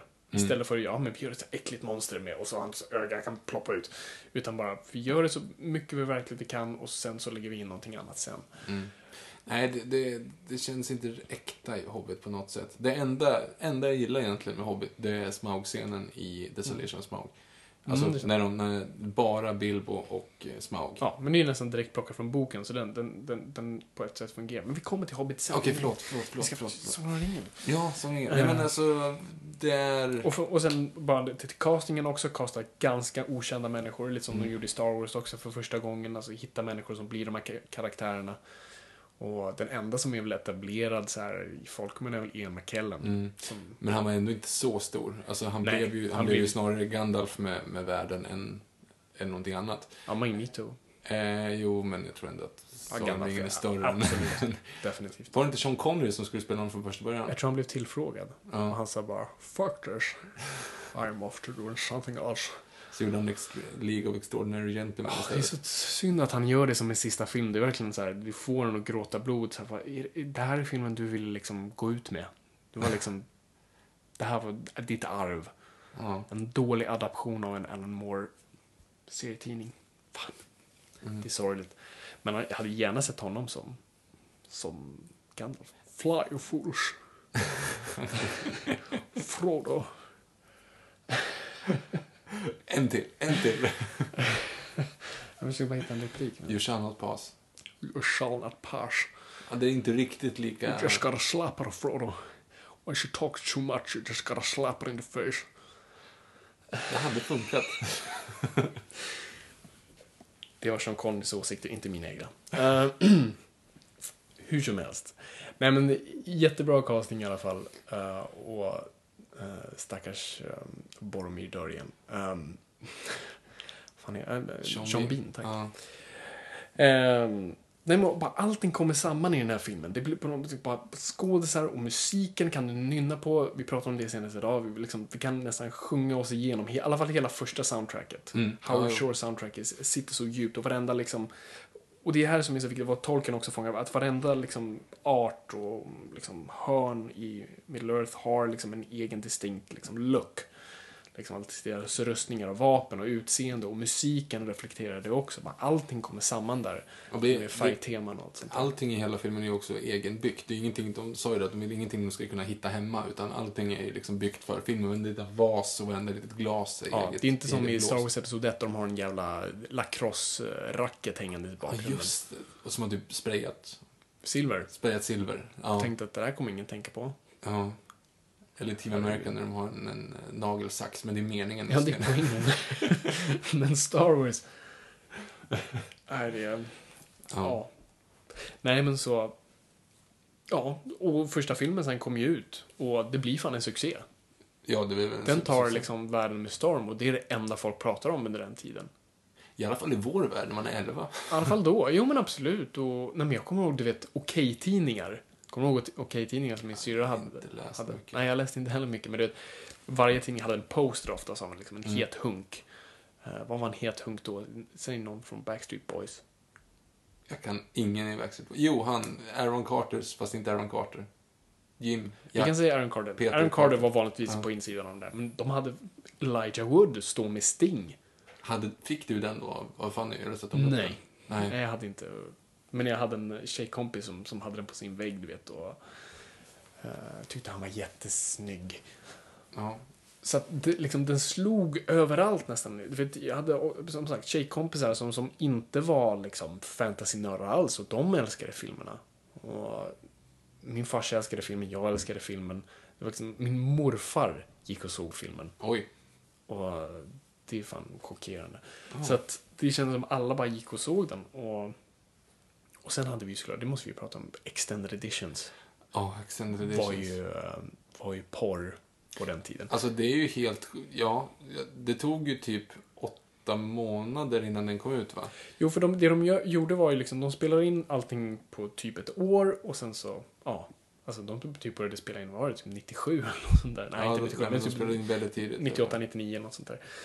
Och sen så släppte filmen en efter den. Men sen runt 2000 kanske så och fick alla åka tillbaka och så spelade de in då Extended. Liksom. Ändå, det var väl ännu värre. De släppte ju Sagan om ringen. Och sen så körde de sommaren efter det så spelade de ju in. Extended två toner. Väldigt tajt också. Alltså det var ju verkligen så att de hade bara några månader kvar. Ja, för jag kommer ihåg att så, om filmen släpptes liksom vintern Fellowship och så var det vintern efteråt så kom då Extended Edition. Så. Mm. Det var ju den vanliga DVDn först och sen kom Extended. Och jag kommer ihåg, du, du fick eh, din, din Extended. Jag kommer ihåg, vi var på en bar med våra... Fick jag köpte den, jag hade ju sparat Nej, du hade väl fått den av din farsa? Jag är ganska hundra på att du fick... Var det så det var? Ja, jag är ganska Vi var på en bar med våra fädrar. Och du fick den där och då av någon konstig anledning. Och det var ju den här Extended Edition, det var liksom en box och så var det fyra, fem disk och så fick man med en liten Gollum-statyett. Just det. Och du ger mig då, inte Gollum-statyn, men du ger mig liksom DVD-boxen och det första jag gör är att tappa den så en av DVD-skivorna åker ut och skrapas upp på golvet. Jag har ju fortfarande inte sett, jag, jag vet precis, det är ju eh, hästscenen i, i Sagan två tornen när han går ner och lugnar ner Brego där som Ja. han står, står och stegrar i extended-versionen in i Edoras. Eh, när Aragorn kommer in och lugnar ner den hästen. Den scenen har jag fortfarande inte sett, för det, filmen hackar fortfarande, precis Jag innan mår, den. jag mår verkligen jättedåligt över det fortfarande. Bara, åh, det var så jävla klantigt. Och, och min far bara, mm, jag visste det. Ännu en gång. Eh, Nej, men så efter det så var jag också, nej, jag måste ha den där. Så jag köpte ju också, så jag har ju min Gollum kvar och min Minas Tirith kvar. Jag har inte för, jag, har, jag, köpte in, jag har den första såklart Extended Edition, men jag köpte inte boxversionen som var då de här två um, Statyerna med statyerna, händerna. väktarna. Mm. Så, men, men de extra materialen, det var ju, alltså det var nästan mer religion för mig än vad filmerna var. Mm, ja, jag kommer ihåg, det var liksom in, interna skämt med mina klasskompisar. Jag kommer ihåg när John Rice Davis, du vet, han har inget finger, du vet, på långfingret. Så han, du vet, hans protes, du vet, han, han skar upp den och hällde lite blod, skrämde Peter Jackson. Du vet, alltså, det var det enda man gjorde i typ ett år, bara pratade om allt extra material och alla interna skämt. Det var liksom nästan som en du vet, Monty Python-rutin bland vänner som man hade. när man bara snackade om de här grejerna. Nej, det var lite samma sak, fast jag hade ingen att snacka om förutom du. Eh, vad, vad var anledningen till att eh, Kate Blanchett ville vara med i filmerna då? Det, det vet du, Viktor. Nej, men, ja, det är lite töntigt när man börjar citera extra materialet, men eh, vad är det hon säger i intervjun? Så här, I've always wanted to have pointy ears. Of course I want, love the books. Of course I want to work with Peter. But I've always wanted to have pointy ears. Och det blev en intern grej då, att hon sitter och säger det extra materialet, så att sitter och citerar det. Ja. Det är töntigt. Och bara här grejer. Ja, du vet, Christopher Lee var ju en gammal eh, USS-agent, så han visste ju hur det var när han blev huggen i ryggen, hur det låter när han blir, liksom, man får en punkterad lunga och allt sånt där. Han var ju för övrigt ett jättestort Tolkien-fan. Mm. Han hade träffat Tolkien också. Han hade träffat Tolkien. Han är typ, han har ju varit med överallt. Han bevittnade den sista giljotinavrättningen. Va? Tydligen. Jaha. För Frankrike fortsatte med dem typ till 70-talet. eller så där. Eh, ganska sjukt. Och Christopher Lee var där av någon konstig anledning. Men Men han var ju då, alltså, han måste ju varit typ 90 när de spelade in filmerna. Hur gammal är han nu? Alltså, hur gammal är Christopher Lee? 137. Alltså jag vet inte. Han, han är jättegammal. Han är Ja. liksom äldre än tiden nästan. Han är ju jävligt sliten i senaste Hobbit. Det ser Ja, man ju. det märker man ju. Han sitter ner bara. Typ. Nej, han slåss ju som Han slåss ju. Och det är ju inte, inte han för fem Ja, öre. Det är ju nej. liksom, det, det är en stuntkvinna liksom. Som tog över där. Så att, ehm, så han sitter ju för det mesta. Men det var ju ganska kul, just, eller väldigt fint för både Ian Holm, som då spelar gamla Bilbo, och Christopher Lee var liksom för, liksom, ja, skruttiga för att åka till Nya Zeeland. Så hela produktionen flyttades bara för att filmas deras scener i England. Det var ganska kul. Ja, hur som helst. Det blir en jättestor succé. I alla fall med, filmerna. Liksom. Folk hakar på med, med tiden och släpps med ett års mellanrum. Det är färskt i folks sinne. Och fan, sista filmen vinner ju en 11 Oscars. Bäst någonsin tangerat, va? Ja, det är liksom... Ingen har fått mer än 11, men tre filmer har fått det. Så det är, nu ska, det är Ben Hur med Charlton Heston och sen så är det Titanic Just det. Ja. och sen Konungens återkomst. Det är ändå... Det är bara tre stycken som har kommit så långt. ja, det är snyggt. Och jag kommer ihåg Oscarsgalan efteråt, för den hade ju vunnit varenda år. I alla fall, liksom filmscenen, varenda år hade den i alla fall vunnit bästa specialeffekter. Så jag kommer ihåg sen 2000, ja vilket är året, Oscarsgalan efter Konungens återkomst så var det Spider-Man 2 som vann. Och, den första som specialeffektsnumret tackade var Peter Jackson för att inte ha gjort en till Sagan om ringen. Eh, De hade ju bara liksom tagit tre år i rad. Um, nej men så, superstor succé liksom. Ja. Men det fin- den är ju, de är inte felfria. Nej, nej gud nej. Alltså, jag tänker ändå att de åldras ganska väl, men, men absolut, de problemen som var finns fortfarande. Och det är vissa saker, alltså, jag tror det inte hade gått att göra, liksom, i alla fall kvinnokaraktärerna nu som man gjorde då. Jag tror fortfarande lite då så fanns det fortfarande kvar lite av det här 90-talet att bruden kan vara ett kärleksintresse och då är hon ändå med. lugnt. Hon får svinga ett svärd någon gång, men det, det är okej. Nej, det är inte jättemycket. Nej, sen ska vi komma ihåg, Tolkien själv var inte så alltså, han är född på 1800-talet. Alltså, kvinnosynen var inte liksom den bästa. Så såklart inte att liksom böckerna är superfeministiska så, men det, Eowyn är ju ganska cool. Eowyn är cool. Ja. Jag har ju inte läst nu den andra boken, men jag läste en artikel då de så beskrev henne i boken i jämförelse med filmen. Och det var helt sjukt. Alltså, i filmen trycker de väldigt mycket på att hon är liksom kvinna och tyngs ner av det och hennes kärlek för eh, Aragorn. Men i boken är hon ju riktigt jävla badass. Och den fighten sen hon har med Witch King är så mycket coolare i, i, i boken. Man Och- vet ju inte heller att det är hon förrän hon tar av sig hjälmen. Vilket är lite svårt att göra i, i en film. För Mary hade ju Absolut. varit dum i huvudet Men, om inte men hennes tal hon håller där ska tydligen vara ascool i boken. Liksom, och Mm. väldigt, så här, eh, väldigt ball och ballsy. Men, Ja, det- men, men hon liksom... Hon fick en lite mindre roll i filmen. Och, och såklart, hon är inte en av huvudrollerna. Liksom, man, måste, man måste välja lite. Men, men jag tycker att man kunde liksom ha kört lite... mm, Lite ballare. Och jag tycker inte Hobbit re- reparerade det särskilt bra. För hon var fortfarande bruden här ett kärleksintresse. Så det var det ändå var därför. jättekonstigt. Det var ju fixat i, i efterhand också. Ja, ja absolut. Nej, men definitivt. Så att, det är väl en sån grej jag tittar på bara. Liksom så här, det är halvkul att vara tjej och, och se de här filmerna. Nej, och liksom. Ar Arven är väl liksom, hon är ju förvisso verkligen så här crowbarad in i, i handlingen i både ettan och tvåan. Ja, för hon är väl en paragraf nästan i böckerna. Ja, jag tror att hon, jag vet inte ens om hon nämns i första boken. Det enda man kommer ihåg liksom i Konungens återkomst, och säger så här, och så blev Aragorn king och så fick han gifta sig med Elrons dotter Arven. Det var typ, ja, det var det. alltså, som jag kommer ihåg det i alla fall, nu var det ganska länge sedan jag läste dem, men jag får mig att hon inte hon nämns överhuvudtaget typ inför tills han blir kung och då kan han gifta bort sig, så det är så här tvångsgifte liksom. eh, så det man kommer ihåg. Nej men, och sen överhuvudtaget, alltså Liv Tylers, hon får ju tid att möta dem där när hon ska in i, Rivendell, men Ja, hon får svinga ett svärd någon gång. Ja, hon får dra upp ett svärd, men hon använder det väl typ aldrig. Liksom. Nej. If you want him, come and claim him. Och, bara, Liv Tyler, jag vet inte. Inte, jag, Inte min favoritcasting. Liksom. Hon, hon var väl lite liksom, het ifrån komma, Armageddon, komma ifrån Armageddon och, och de där grejerna och var ganska liksom het, liksom rent businessmässigt. Men Mm. Ja, annars- vad, vad har hon gjort sen dess? Egentligen? Eh, Incredible Hulk. Det var hon med, det är sant. Men det blev ingen uppföljare på den. Så att, Nej, den är... folk inte- glömmer alltid bort Hulk. Det är liksom, det är Marvels misslyckande. Alltså Marvel Studios universum misslyckande. De, de nämner inte som att det vore pesten. Alltså, Nej, det nämns det, inte det är en mörk historia. De bara, nej men allt är en succé. Bara, nej men ni hade Hulken och den var officiell och det, han... Men två den, Hulken? Båda kraschade väl? Ja, ja, gud ja. Den, den första var ju inte liksom officiell Marvel-universum så. Det var ju bara en ja. ensamstående film då. Hulken slåss mot jättepudlar. Och den var ju illa den också. Men, eh, men Incredible Hulk var ju ändå sådär. Tony Stark var ju med i den. Den skulle ju liksom bli canon och få Mm. uppföljare. Och det är den Hulken som ska vara med i Avengers. Men inget av det där hände ju. Nej, nej, det funkar inte riktigt.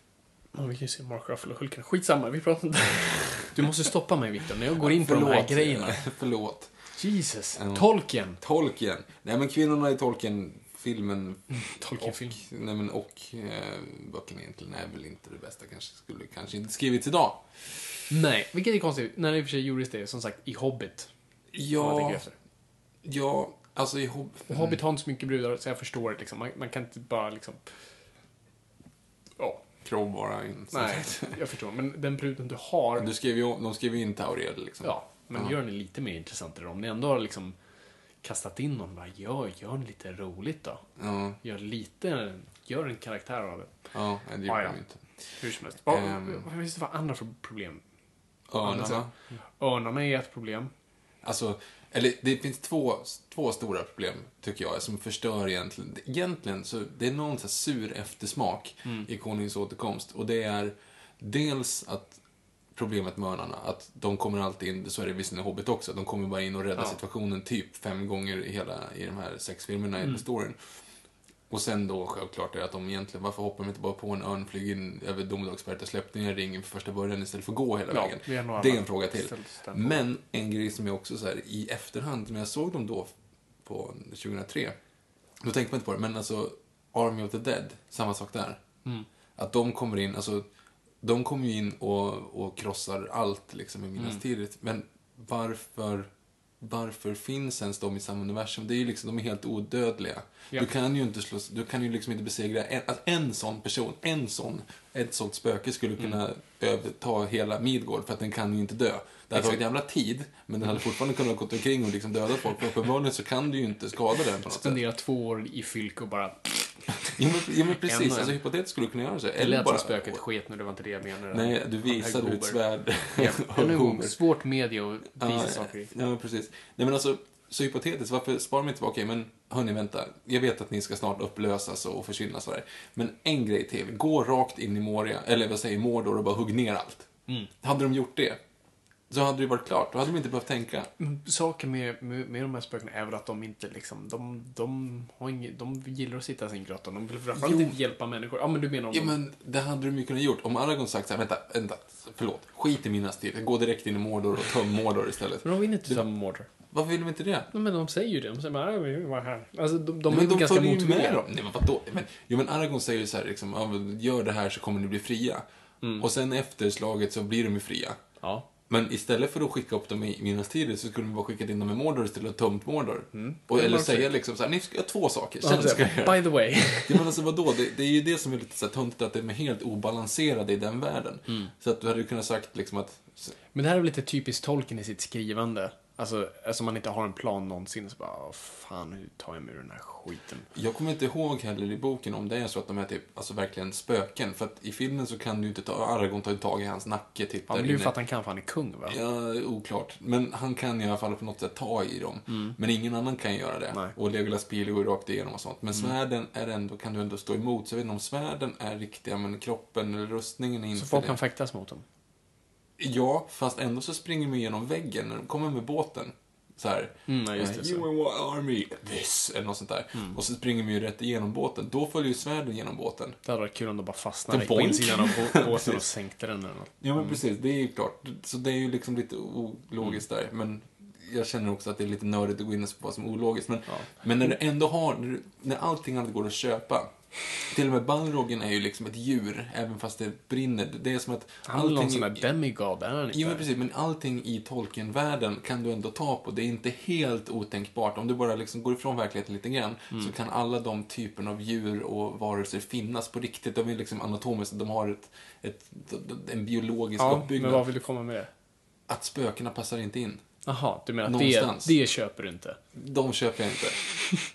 Det är lite som när vi, när vi serienördar liksom försöker förklara att så här, Superman liksom, i, i Christopher Reeve-filmen, liksom, när han flyger runt jorden bara Nej, det är, inte det är overkligt. Han kan inte spola tillbaka tiden. Och så bara Men han kan inte göra något. Han finns inte. Så bara, jo. Nej, men... Okej, Okej, men det jag menar är att det är också dramaturgiskt ganska tråkigt. Att det är liksom en odödlig Mm. kraft som bara, för det är ju liksom som en våg. Alltså i på Pellinor Field som jag skickar in, då är det som en våg av bara vita människor som Ja, bara liksom dödar allt sådär. och, och på tal om det, vi kan säga att det är mycket vita människor i Midgård. Det är det också. Nej, nej, de onda, de här, eh, typ, vad heter de där då? Åh, de onda Ja, männen. ja, ja, de som med- rider på elefanter. Ja, precis. De är ju typ Ja, de är lite orientaliska. arabiska. Ja, men precis. Och de är ju onda såklart. De är onda och sen alla liksom svarta skådisar, de, de hade satt dem i liksom Urukai-masker eller något Mm. sånt där.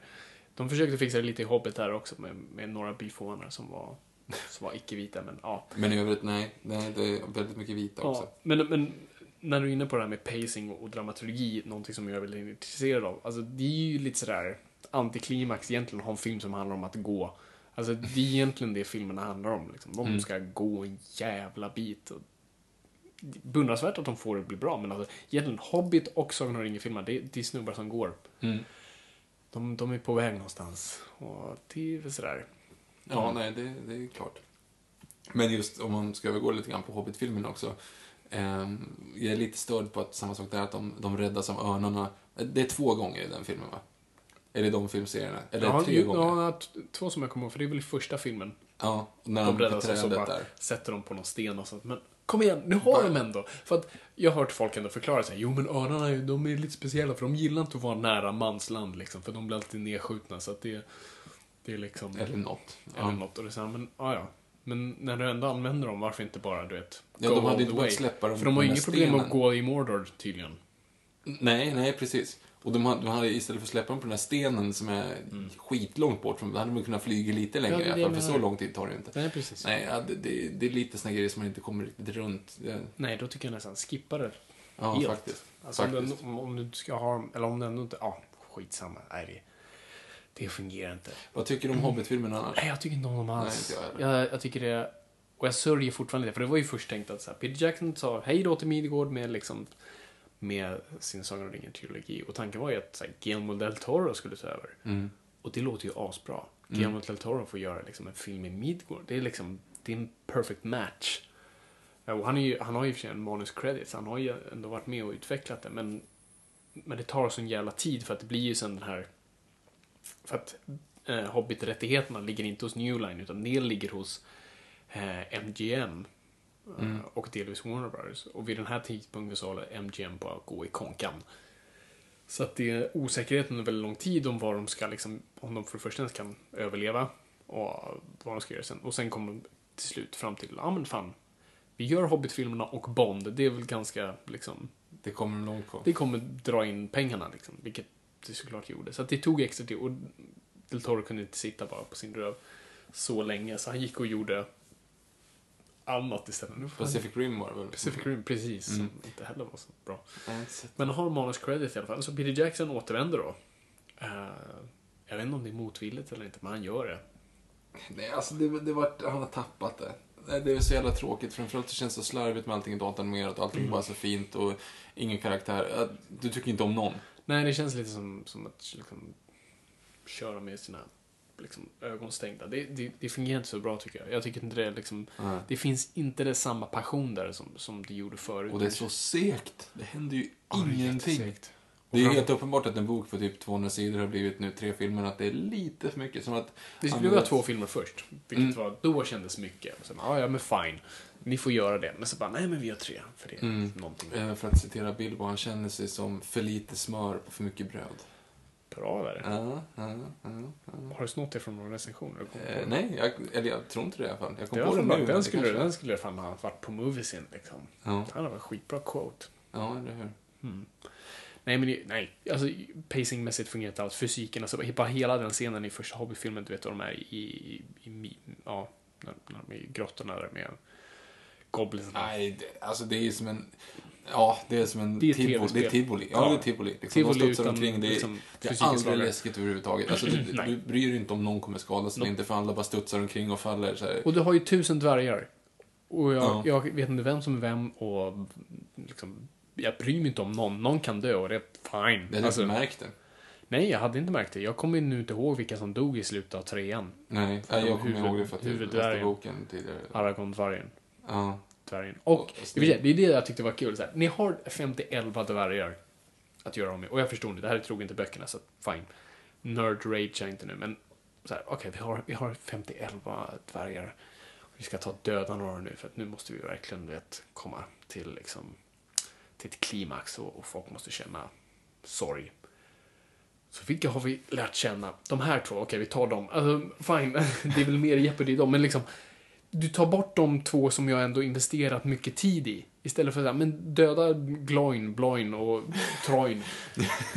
Alltså, Men det är väl meningen. Alltså, det blir nästan töntigt i två tonen när Haldir kommer tillbaka där och, till Helms Deep och dör och så blir det värsta slow motion scenen Ja, han, har haft en, han har haft två repliker i hela serien.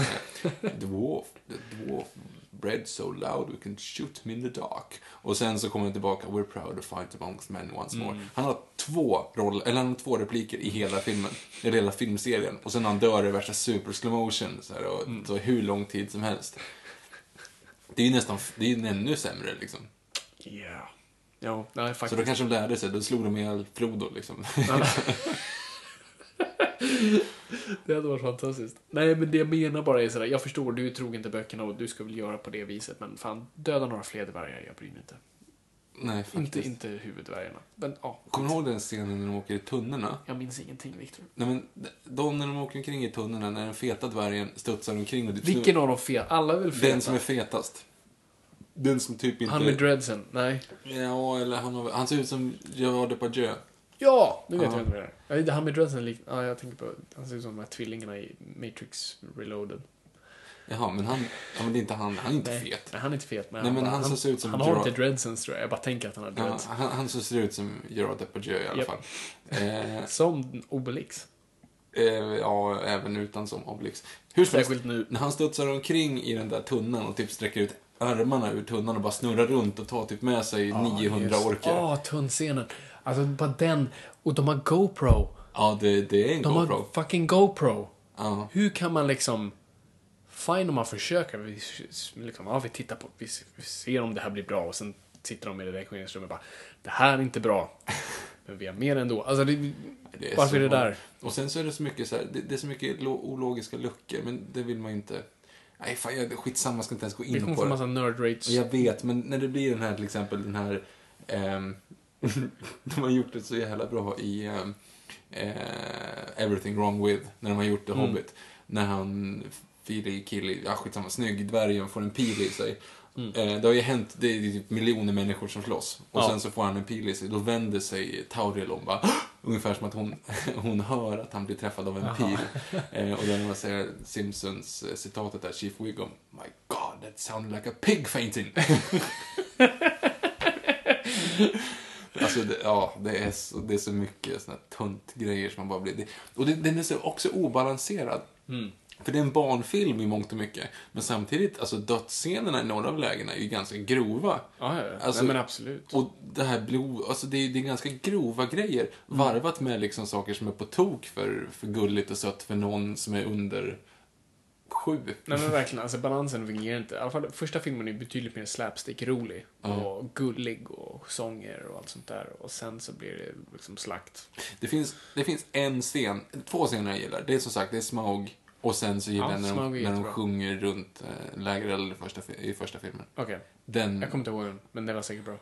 ja, men du vet när de står, när de frågar vad är det där för någonting? Och så sitter de lugnt där och så. Far over the misty Ja. mountain. Fast det är väl inte för att det är väl hemma hos honom? Ja, det var en lägereld. Är det en lägereld? Du kan ju ta en lägereld hemma hos dig, det är en öppen spis. Ja, det är en öppen spis. Ja, skitsamma. Eld. And cabins. We marched away in Klar? To find a long forgotten goal. The Nej, okej. Inget mer. Nej, jag. Nej, men det- det är svårt att fylla någonting annat än det där. Jag tycker att den är jättetråkig.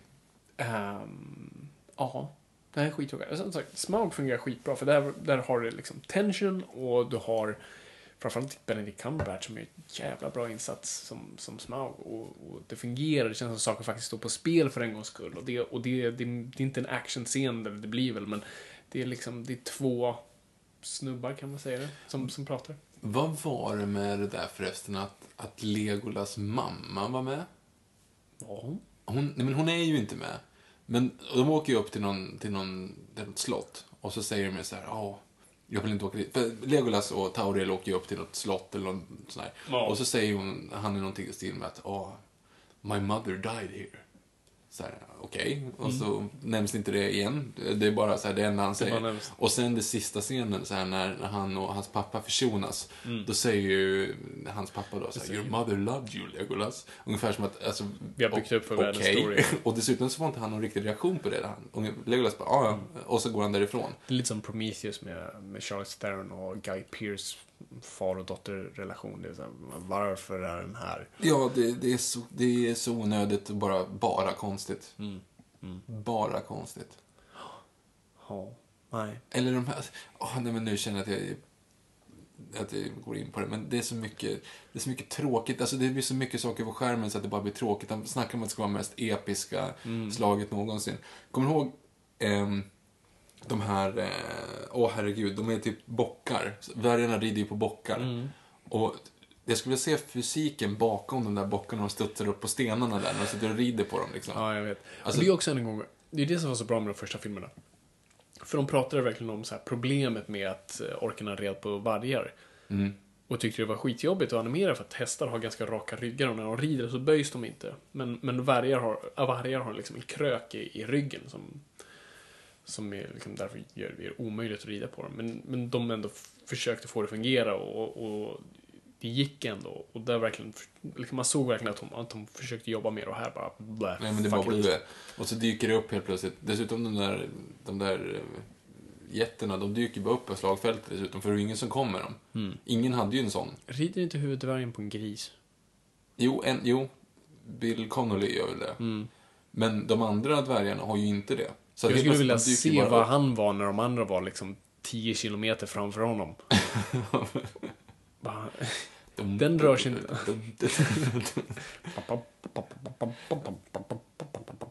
Alltså, ja. Ja, nej, det är tråkigt. Ja, Jag, jag blir bara ledsen om vi pratar om Hobbit. Ja, faktiskt. Det- Så jag tycker vi ska sluta prata om Hobbit. Jag vill bara för... Rangordning, vilken är bäst? Första om ringen, Konungens återkomst, Två tornen. Eh, oh, shit, ja, första... Första Hobbit, sista Hobbit, andra Hobbit. Desolation är sämst. Är Desolation sämst? Jag tror det. Men Smaug var ju där. Ja, men Smaug-scenen är skitbra, resten är skit. Okej. Ja, jag ty- då skulle jag säga Fellowship också bäst, för Ja. den har faktiskt en början och ett slut. Uh, Konungens återkomst där också, sen, Mm. sen ehm, Två tornen. Och sen Smaug. Sen den första Hobbit, sen... Det är sista. Eller vänta, nej. Sista, sen, jag tycker den första är sämst. Aha. Ja, Så att- jag tycker första, men första hade lite, lite charm. För det är det som har varit problemet med de här filmerna. Än en gång, ur dramaturgiskt syfte. Det, det är filmer som är uppdelade och det är väldigt svårt att tillföra dramaturgi till det. Så det är därför två tonen är den svagaste. För att den har ingen början, den har inget slut, den är något slags mellanspel med massa stridsscener i sig. Och den fungerar inte. Men faktiskt, Fellowship har väldigt bra dramaturgi. Mm. För när den slutar så känns det ändå som att de har knutit ihop säcken, men det finns en fortsättning. Mm. Och det, det är då det fungerar som bäst. Är det, den avslutas, men någon dör liksom. Det är ju bra att det händer Ja, någonting. någon dör och, och de splittras och nu är vi liksom själva och, och det fungerar på något sätt. Men de kommer inte till någon slags konsensus. Hunt some walk. Ja, precis. Så att... eh, mm, nej. Mm, Ja. Tycker inte om Vad deppigt det blev på Jag slutet. gillar, ja, fan. Vi ska fan hylla de här filmerna ändå. De första. De är ändå liksom Ja, men milstolpar rent cinematiskt. jag tycker vi hyllar dem med lite Gollum. Jag vet att du har gjort det, men vi måste ha lite Gollum ändå. Man- Ja, ja vänta. Jag sätter mig. Vänta. Kan du sången? Ja, men den gjorde jag förut. Rocky's porn, nice and swirl, juicy sweet. I only wish to catch a fish, juicy sweet. Och sen... Uh, Master's my friend. You don't have any friends. Nobody likes you. Not listening, not listening. You're a murderer and a thief. No. Ja, just det. Och sen? You're a lion, just det. Ja, men där är det not listening. Ah, skitsamma. Go away. Ja, Go away. alltså, du är jävligt bra på den. Alltså. Den sitter kvar ändå. Ja. I'm tooting my own horn, men Ja. Gollum sitter kvar. Just det, jag, jag, jag måste bara nämna en grej. För att eh, eh, förra veckan, eller förra, förra avsnittet körde vi Alien. Eh, som en av mina favorit liksom, filmserier. Men jag sa fel. Jag fick, en, jag fick en correction på den. Det var en som mejlade in och sa du, nu är du fel, du, fel ute. Så jag, jag, jag vill bara gå ut här och säga det, liksom att sorry, jag gjorde fel. Jag kallade då själva Alien-varelsen för Necronomicon och inte Xenomorph som, som den då så korrekt heter. Men jag var inte helt fel ute, för Necronomicon hette boken av H.R. Giger, som då Dan O'Bannon hade manusförfattaren och sen gav till Ridley Scott. Och den hette Necronomicon.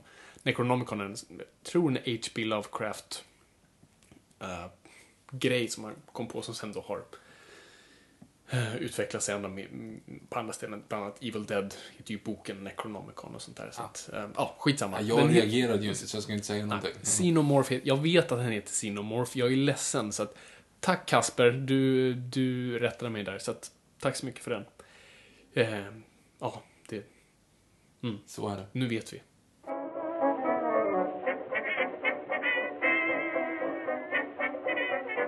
Ja, då, då har vi kommit till eh, punkten då, då jag recenserar någonting. Jag, jag har sett något eller läst något och jag får sträcka på mina gamla recensentben och bara prata lite om det. Och eh, nu ganska lägligt kommer till Sverige i alla fall eh, Paul Thomas Andersons senaste film Inherent Vice. Eh, Paul Thomas Anderson är regissören och manusförfattaren till en bland mina favoritfilmer som Magnolia och There Will Be Blood och nu senast The Master och tidigare Boogie Nights och um, Punch Drunk Love och Sydney. Jag gick omkring med en t-shirt med Boogie Nights i typ fyran. Jag hade inte sett filmen, jag visste inte vad det var för någonting. Jag hade bara fått den så här, av föräldrarna som var på typ galapremiären av den tror jag. Ja. Så jag hade i alla fall en t-shirt som det stod Boogie Nights på. Och jag hade ingen aning vad det var för någonting. Men för du var ju ganska övervuxen också så att du hade ju, du kunde ju ha på dig liksom vuxentröjor utan Ja. problem. Tack för att du inte kallade mig fet.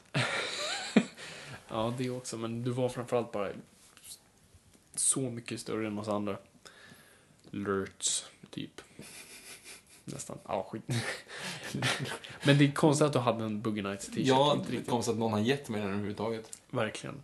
Men nu har han kommit med en ny film, Inherent Vice, som inte är mm, ett originalmanus utan baserat på en bok av, nu har jag glömt bort vad han heter, men väldigt känd författare som, som gillar hippie-konspirationer. Eh, och saken är, det går inte riktigt att förklara vad den här filmen handlar om, och det är lite poängen. Men vad, vad det handlar om, det, det utspelar sig 1970, eh, vi har Joaquin Phoenix som är med i ett master som spelar en slags um, hippie slash PI, alltså privatdetektiv. Och i början blir han uppsökt av ett ex som söker hans hjälp. Och det är ungefär så långt jag kan gå. För att filmen sen är lite all over the place, men det är lite poängen. För att vad Paul Thomas Anderson vill, i stort Joaquin Phoenix är hög i hela filmen. Det är egentligen det det går ut på. Det, det är nä- nästan sån här Big Lebowski-grej runt det. Fast mindre komisk, men ändå har enormt stor humor. Och poängen är lite att vi inte riktigt ska fatta vad som hä- händer. Och på så vis hamnar vi i protagonistens synvinkel. Men på ett väldigt snyggt sätt. Det är inte Fear and Loathing i Las Vegas då du faktiskt ser hallucinationerna och det är reptilmänniskor och djävlar och allt sånt där. Utan filmen är väldigt straight och visar allting liksom verklighetstroget. Men den är så pass subjektiv ändå att du inte riktigt förstår vad som händer. Men det gör samtidigt inte Joaquin Phoenix. Så att det tar en stund att komma in i det, för först får du panik, så här, vad, vad händer? Och sen så bara, ah, okej, jo men okej, jag kan slappna av i det här nu. Jag, jag, jag förstår inte vad som är, men jag förstår varför det är så här. Och du följer med den här filmen som är två och en halv timme på liksom en liten drogtripp. Eh, som, du vet, det börjar med ett simpelt mysterium likt Chinatown och sen bara, du vet, som en som ett hopknutet papper liksom utvecklas till liksom ja, byggkonspirationer och drogkarteller och tandläkare och allt möjligt. Och, alltså jag kan inte säga så mycket mer, men, men, men den är otroligt, som allt Paul Thomas Anderson gör, den filmar på film, vilket jag älskar. Den är otroligt vackert fotad. Den fångar tidsperioden väldigt bra. Kläderna, kostym, alltså mm, scenografin, missansen överlag är bara skitsnyggt och jättebra. Um, och skådisarna är grym. Vi har Reese Witherspoon, vi har Josh Brolin um, och, och ma- massa, massa, massa andra. Eh, Owen Wilson bland annat. Så jag skulle säga så här, det, det är nog min minst favorit bland, liksom, bland Paul Thomas Anderson, men det säger inte så mycket för att jag älskar Paul Thomas Anderson, så att liksom hans sämsta film är fortfarande väldigt bra. Men det här är en film jag liksom på något vis inte har, du vet, gått därifrån och bara wow. Men som med allt man ser av honom måste man liksom se det igen, så jag kommer se den med tiden och, och kanske digga den ännu mer. Men det är inte en There Will Be Blood, det är inte en Magnolia, men, men det är fortfarande väldigt underhållande och jag tror man måste gå in och slappna av. Du vet, folk som varit på droger beskriver, du får inte freak out liksom, du får inte, du vet, få en panikattack och det är lite så den här filmen, du måste slappna av och bara go with it. Få inte panik, i- för i så fall så, så tappar du det.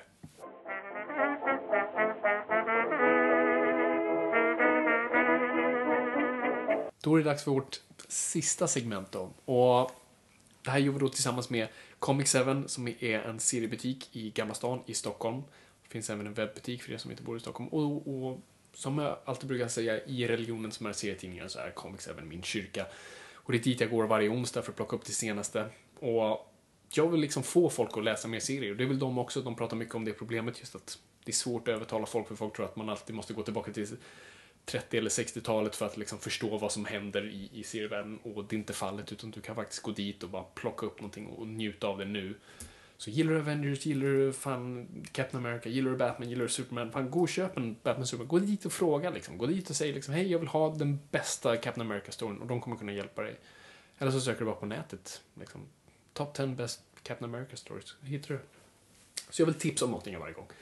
Och jag tänkte nu faktiskt för, för en gång skulle inte göra en Batman eh, eller ens DC. Jag ville göra liksom, ja men nu går jag på Marvel eh, för jag vill inte vara alltför trogen till DC. Men, Men, men, men jag pratade med dem om Comics Heaven och, och jag hade tipsat dem om, om en bok eh, som de sen tyckte om. Så var, ah, gud, det här, det här måste man ju liksom sprida ordet om. Så fine, jag gör det.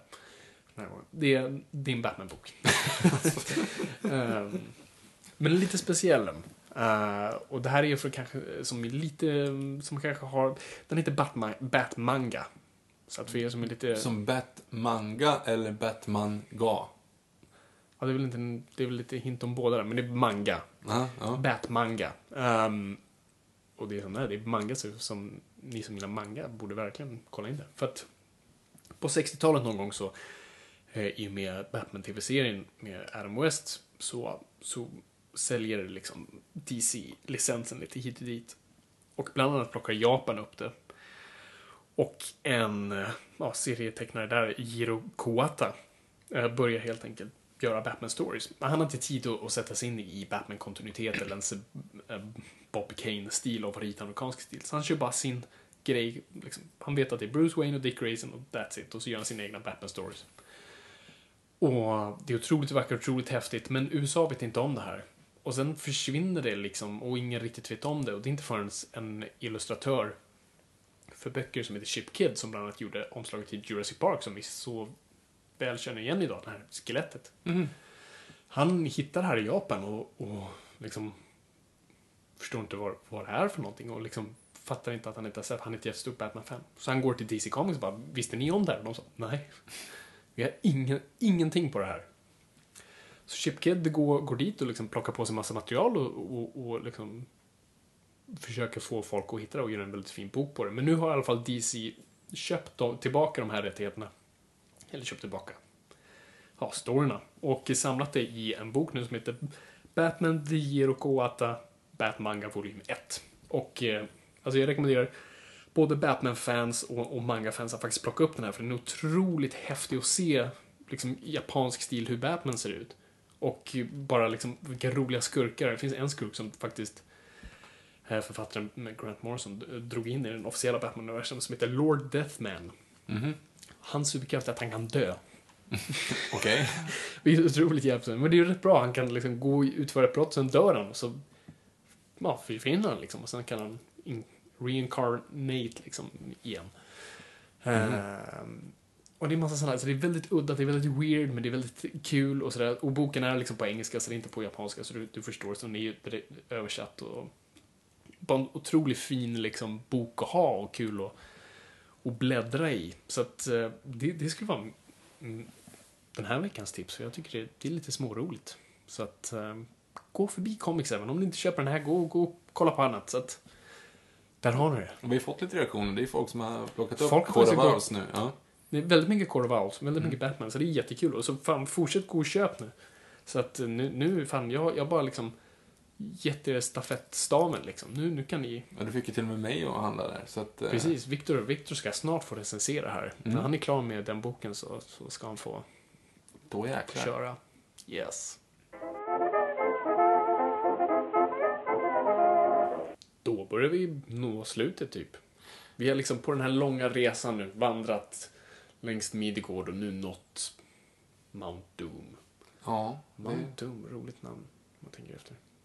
Det, är ingen, det är ingen fråga om vad det, Nej, vad det är för någonting. liksom, det är liksom... de, de var seriösa med att sätta det namnet där. Ja. Liksom, inte göra det lite diskret, liksom, ska vi försöka lura in några? Nej. Nej. Mount Doom. Ja, nej men eh, det här har ju varit det. Det här har ju varit lite, ett litet annorlunda avsnitt. Kanske inte lika bildande, kanske inte lika... Det är mest bara varit vi som snackar internskämt känner jag, men det, vi Ja, får se men det, är- det är ju, det är ju material det också. Ja, det- Men vi gillar Sagan ringen med smått och gott ändå. Vi gör det. Liksom, vi... vi är fans i, i grund och botten, liksom, trots allt. Fan de första filmerna och du böckerna och Ja, oh ja, världen Oh ja, oh ja. och allt sånt där. Tycker du ändå att Game of Thrones har någonstans äh, kittlar den nerven? Ja, men det kan jag säga att den gör. Mm. Eh, I alla fall de senaste säsongerna nu. Eh, Jag tycker att det har varit riktigt bra faktiskt. Kul. Mm. Jag tänkte lite som avslut nu. Alltså, ni kommer nog lära känna Viktor här nu i den här podden som en typ en mänsklig 3D-printer. Hans tunga är det i alla fall. Viktor kommer ihåg typ varenda Disney-sång och replik, liksom. man kan citera hela filmer liksom rakt av. Så jag tänker nu Viktor, ta nu, ta nu fint avslutande tal nu från liksom Lord of the Rings och bara och kör. Fint. Jag har ju ändå försökt lite grann. Och du har ju kört några, men jag vill ändå liksom så här, knyt ihop säcken nu. Eh, Vad ska man säga? Ja, alltså som du säger i så fall, om vi har kört hela nu, hela vägen fram, vi står utanför Mount Doom. Ja. Ja, i, I så fall skulle jag bara säga till alla, alla poddlyssnare där ute. Hold your ground, hold your ground. Sons of Gondor, of Rohan, my people. I see in your eyes the same fear that would take the heart of me. A day may come when the courage of men fails, when we forsake our bounds and make our bounds of fellowship. But it's not this day, an hour of wolves and shattered shield, when the age of men come crashing down. But it's not this day. This day we fight by all that we hold dear on this good earth. I bid you stand, men of the West. Sa, sa Dumbledore allt det där?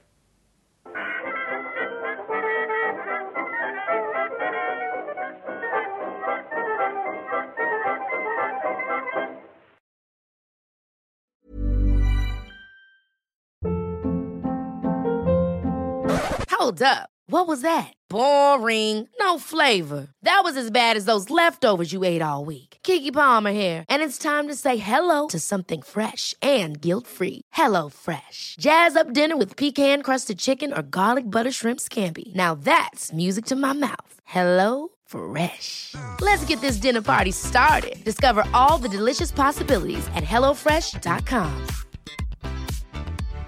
Hi, I'm Daniel, founder of Pretty Litter. Cats and cat owners deserve better than any old fashioned litter. That's why I teamed up with scientists and veterinarians to create Pretty Litter. Its innovative crystal formula has superior odor control and weighs up to 80% less than clay litter. Pretty Litter even monitors health by changing colors to help detect early signs of potential illness. It's the world's smartest kitty litter. Go to prettylitter.com and use code ACAST for 20% off your first order and a free cat toy. Terms and conditions apply. See site for details.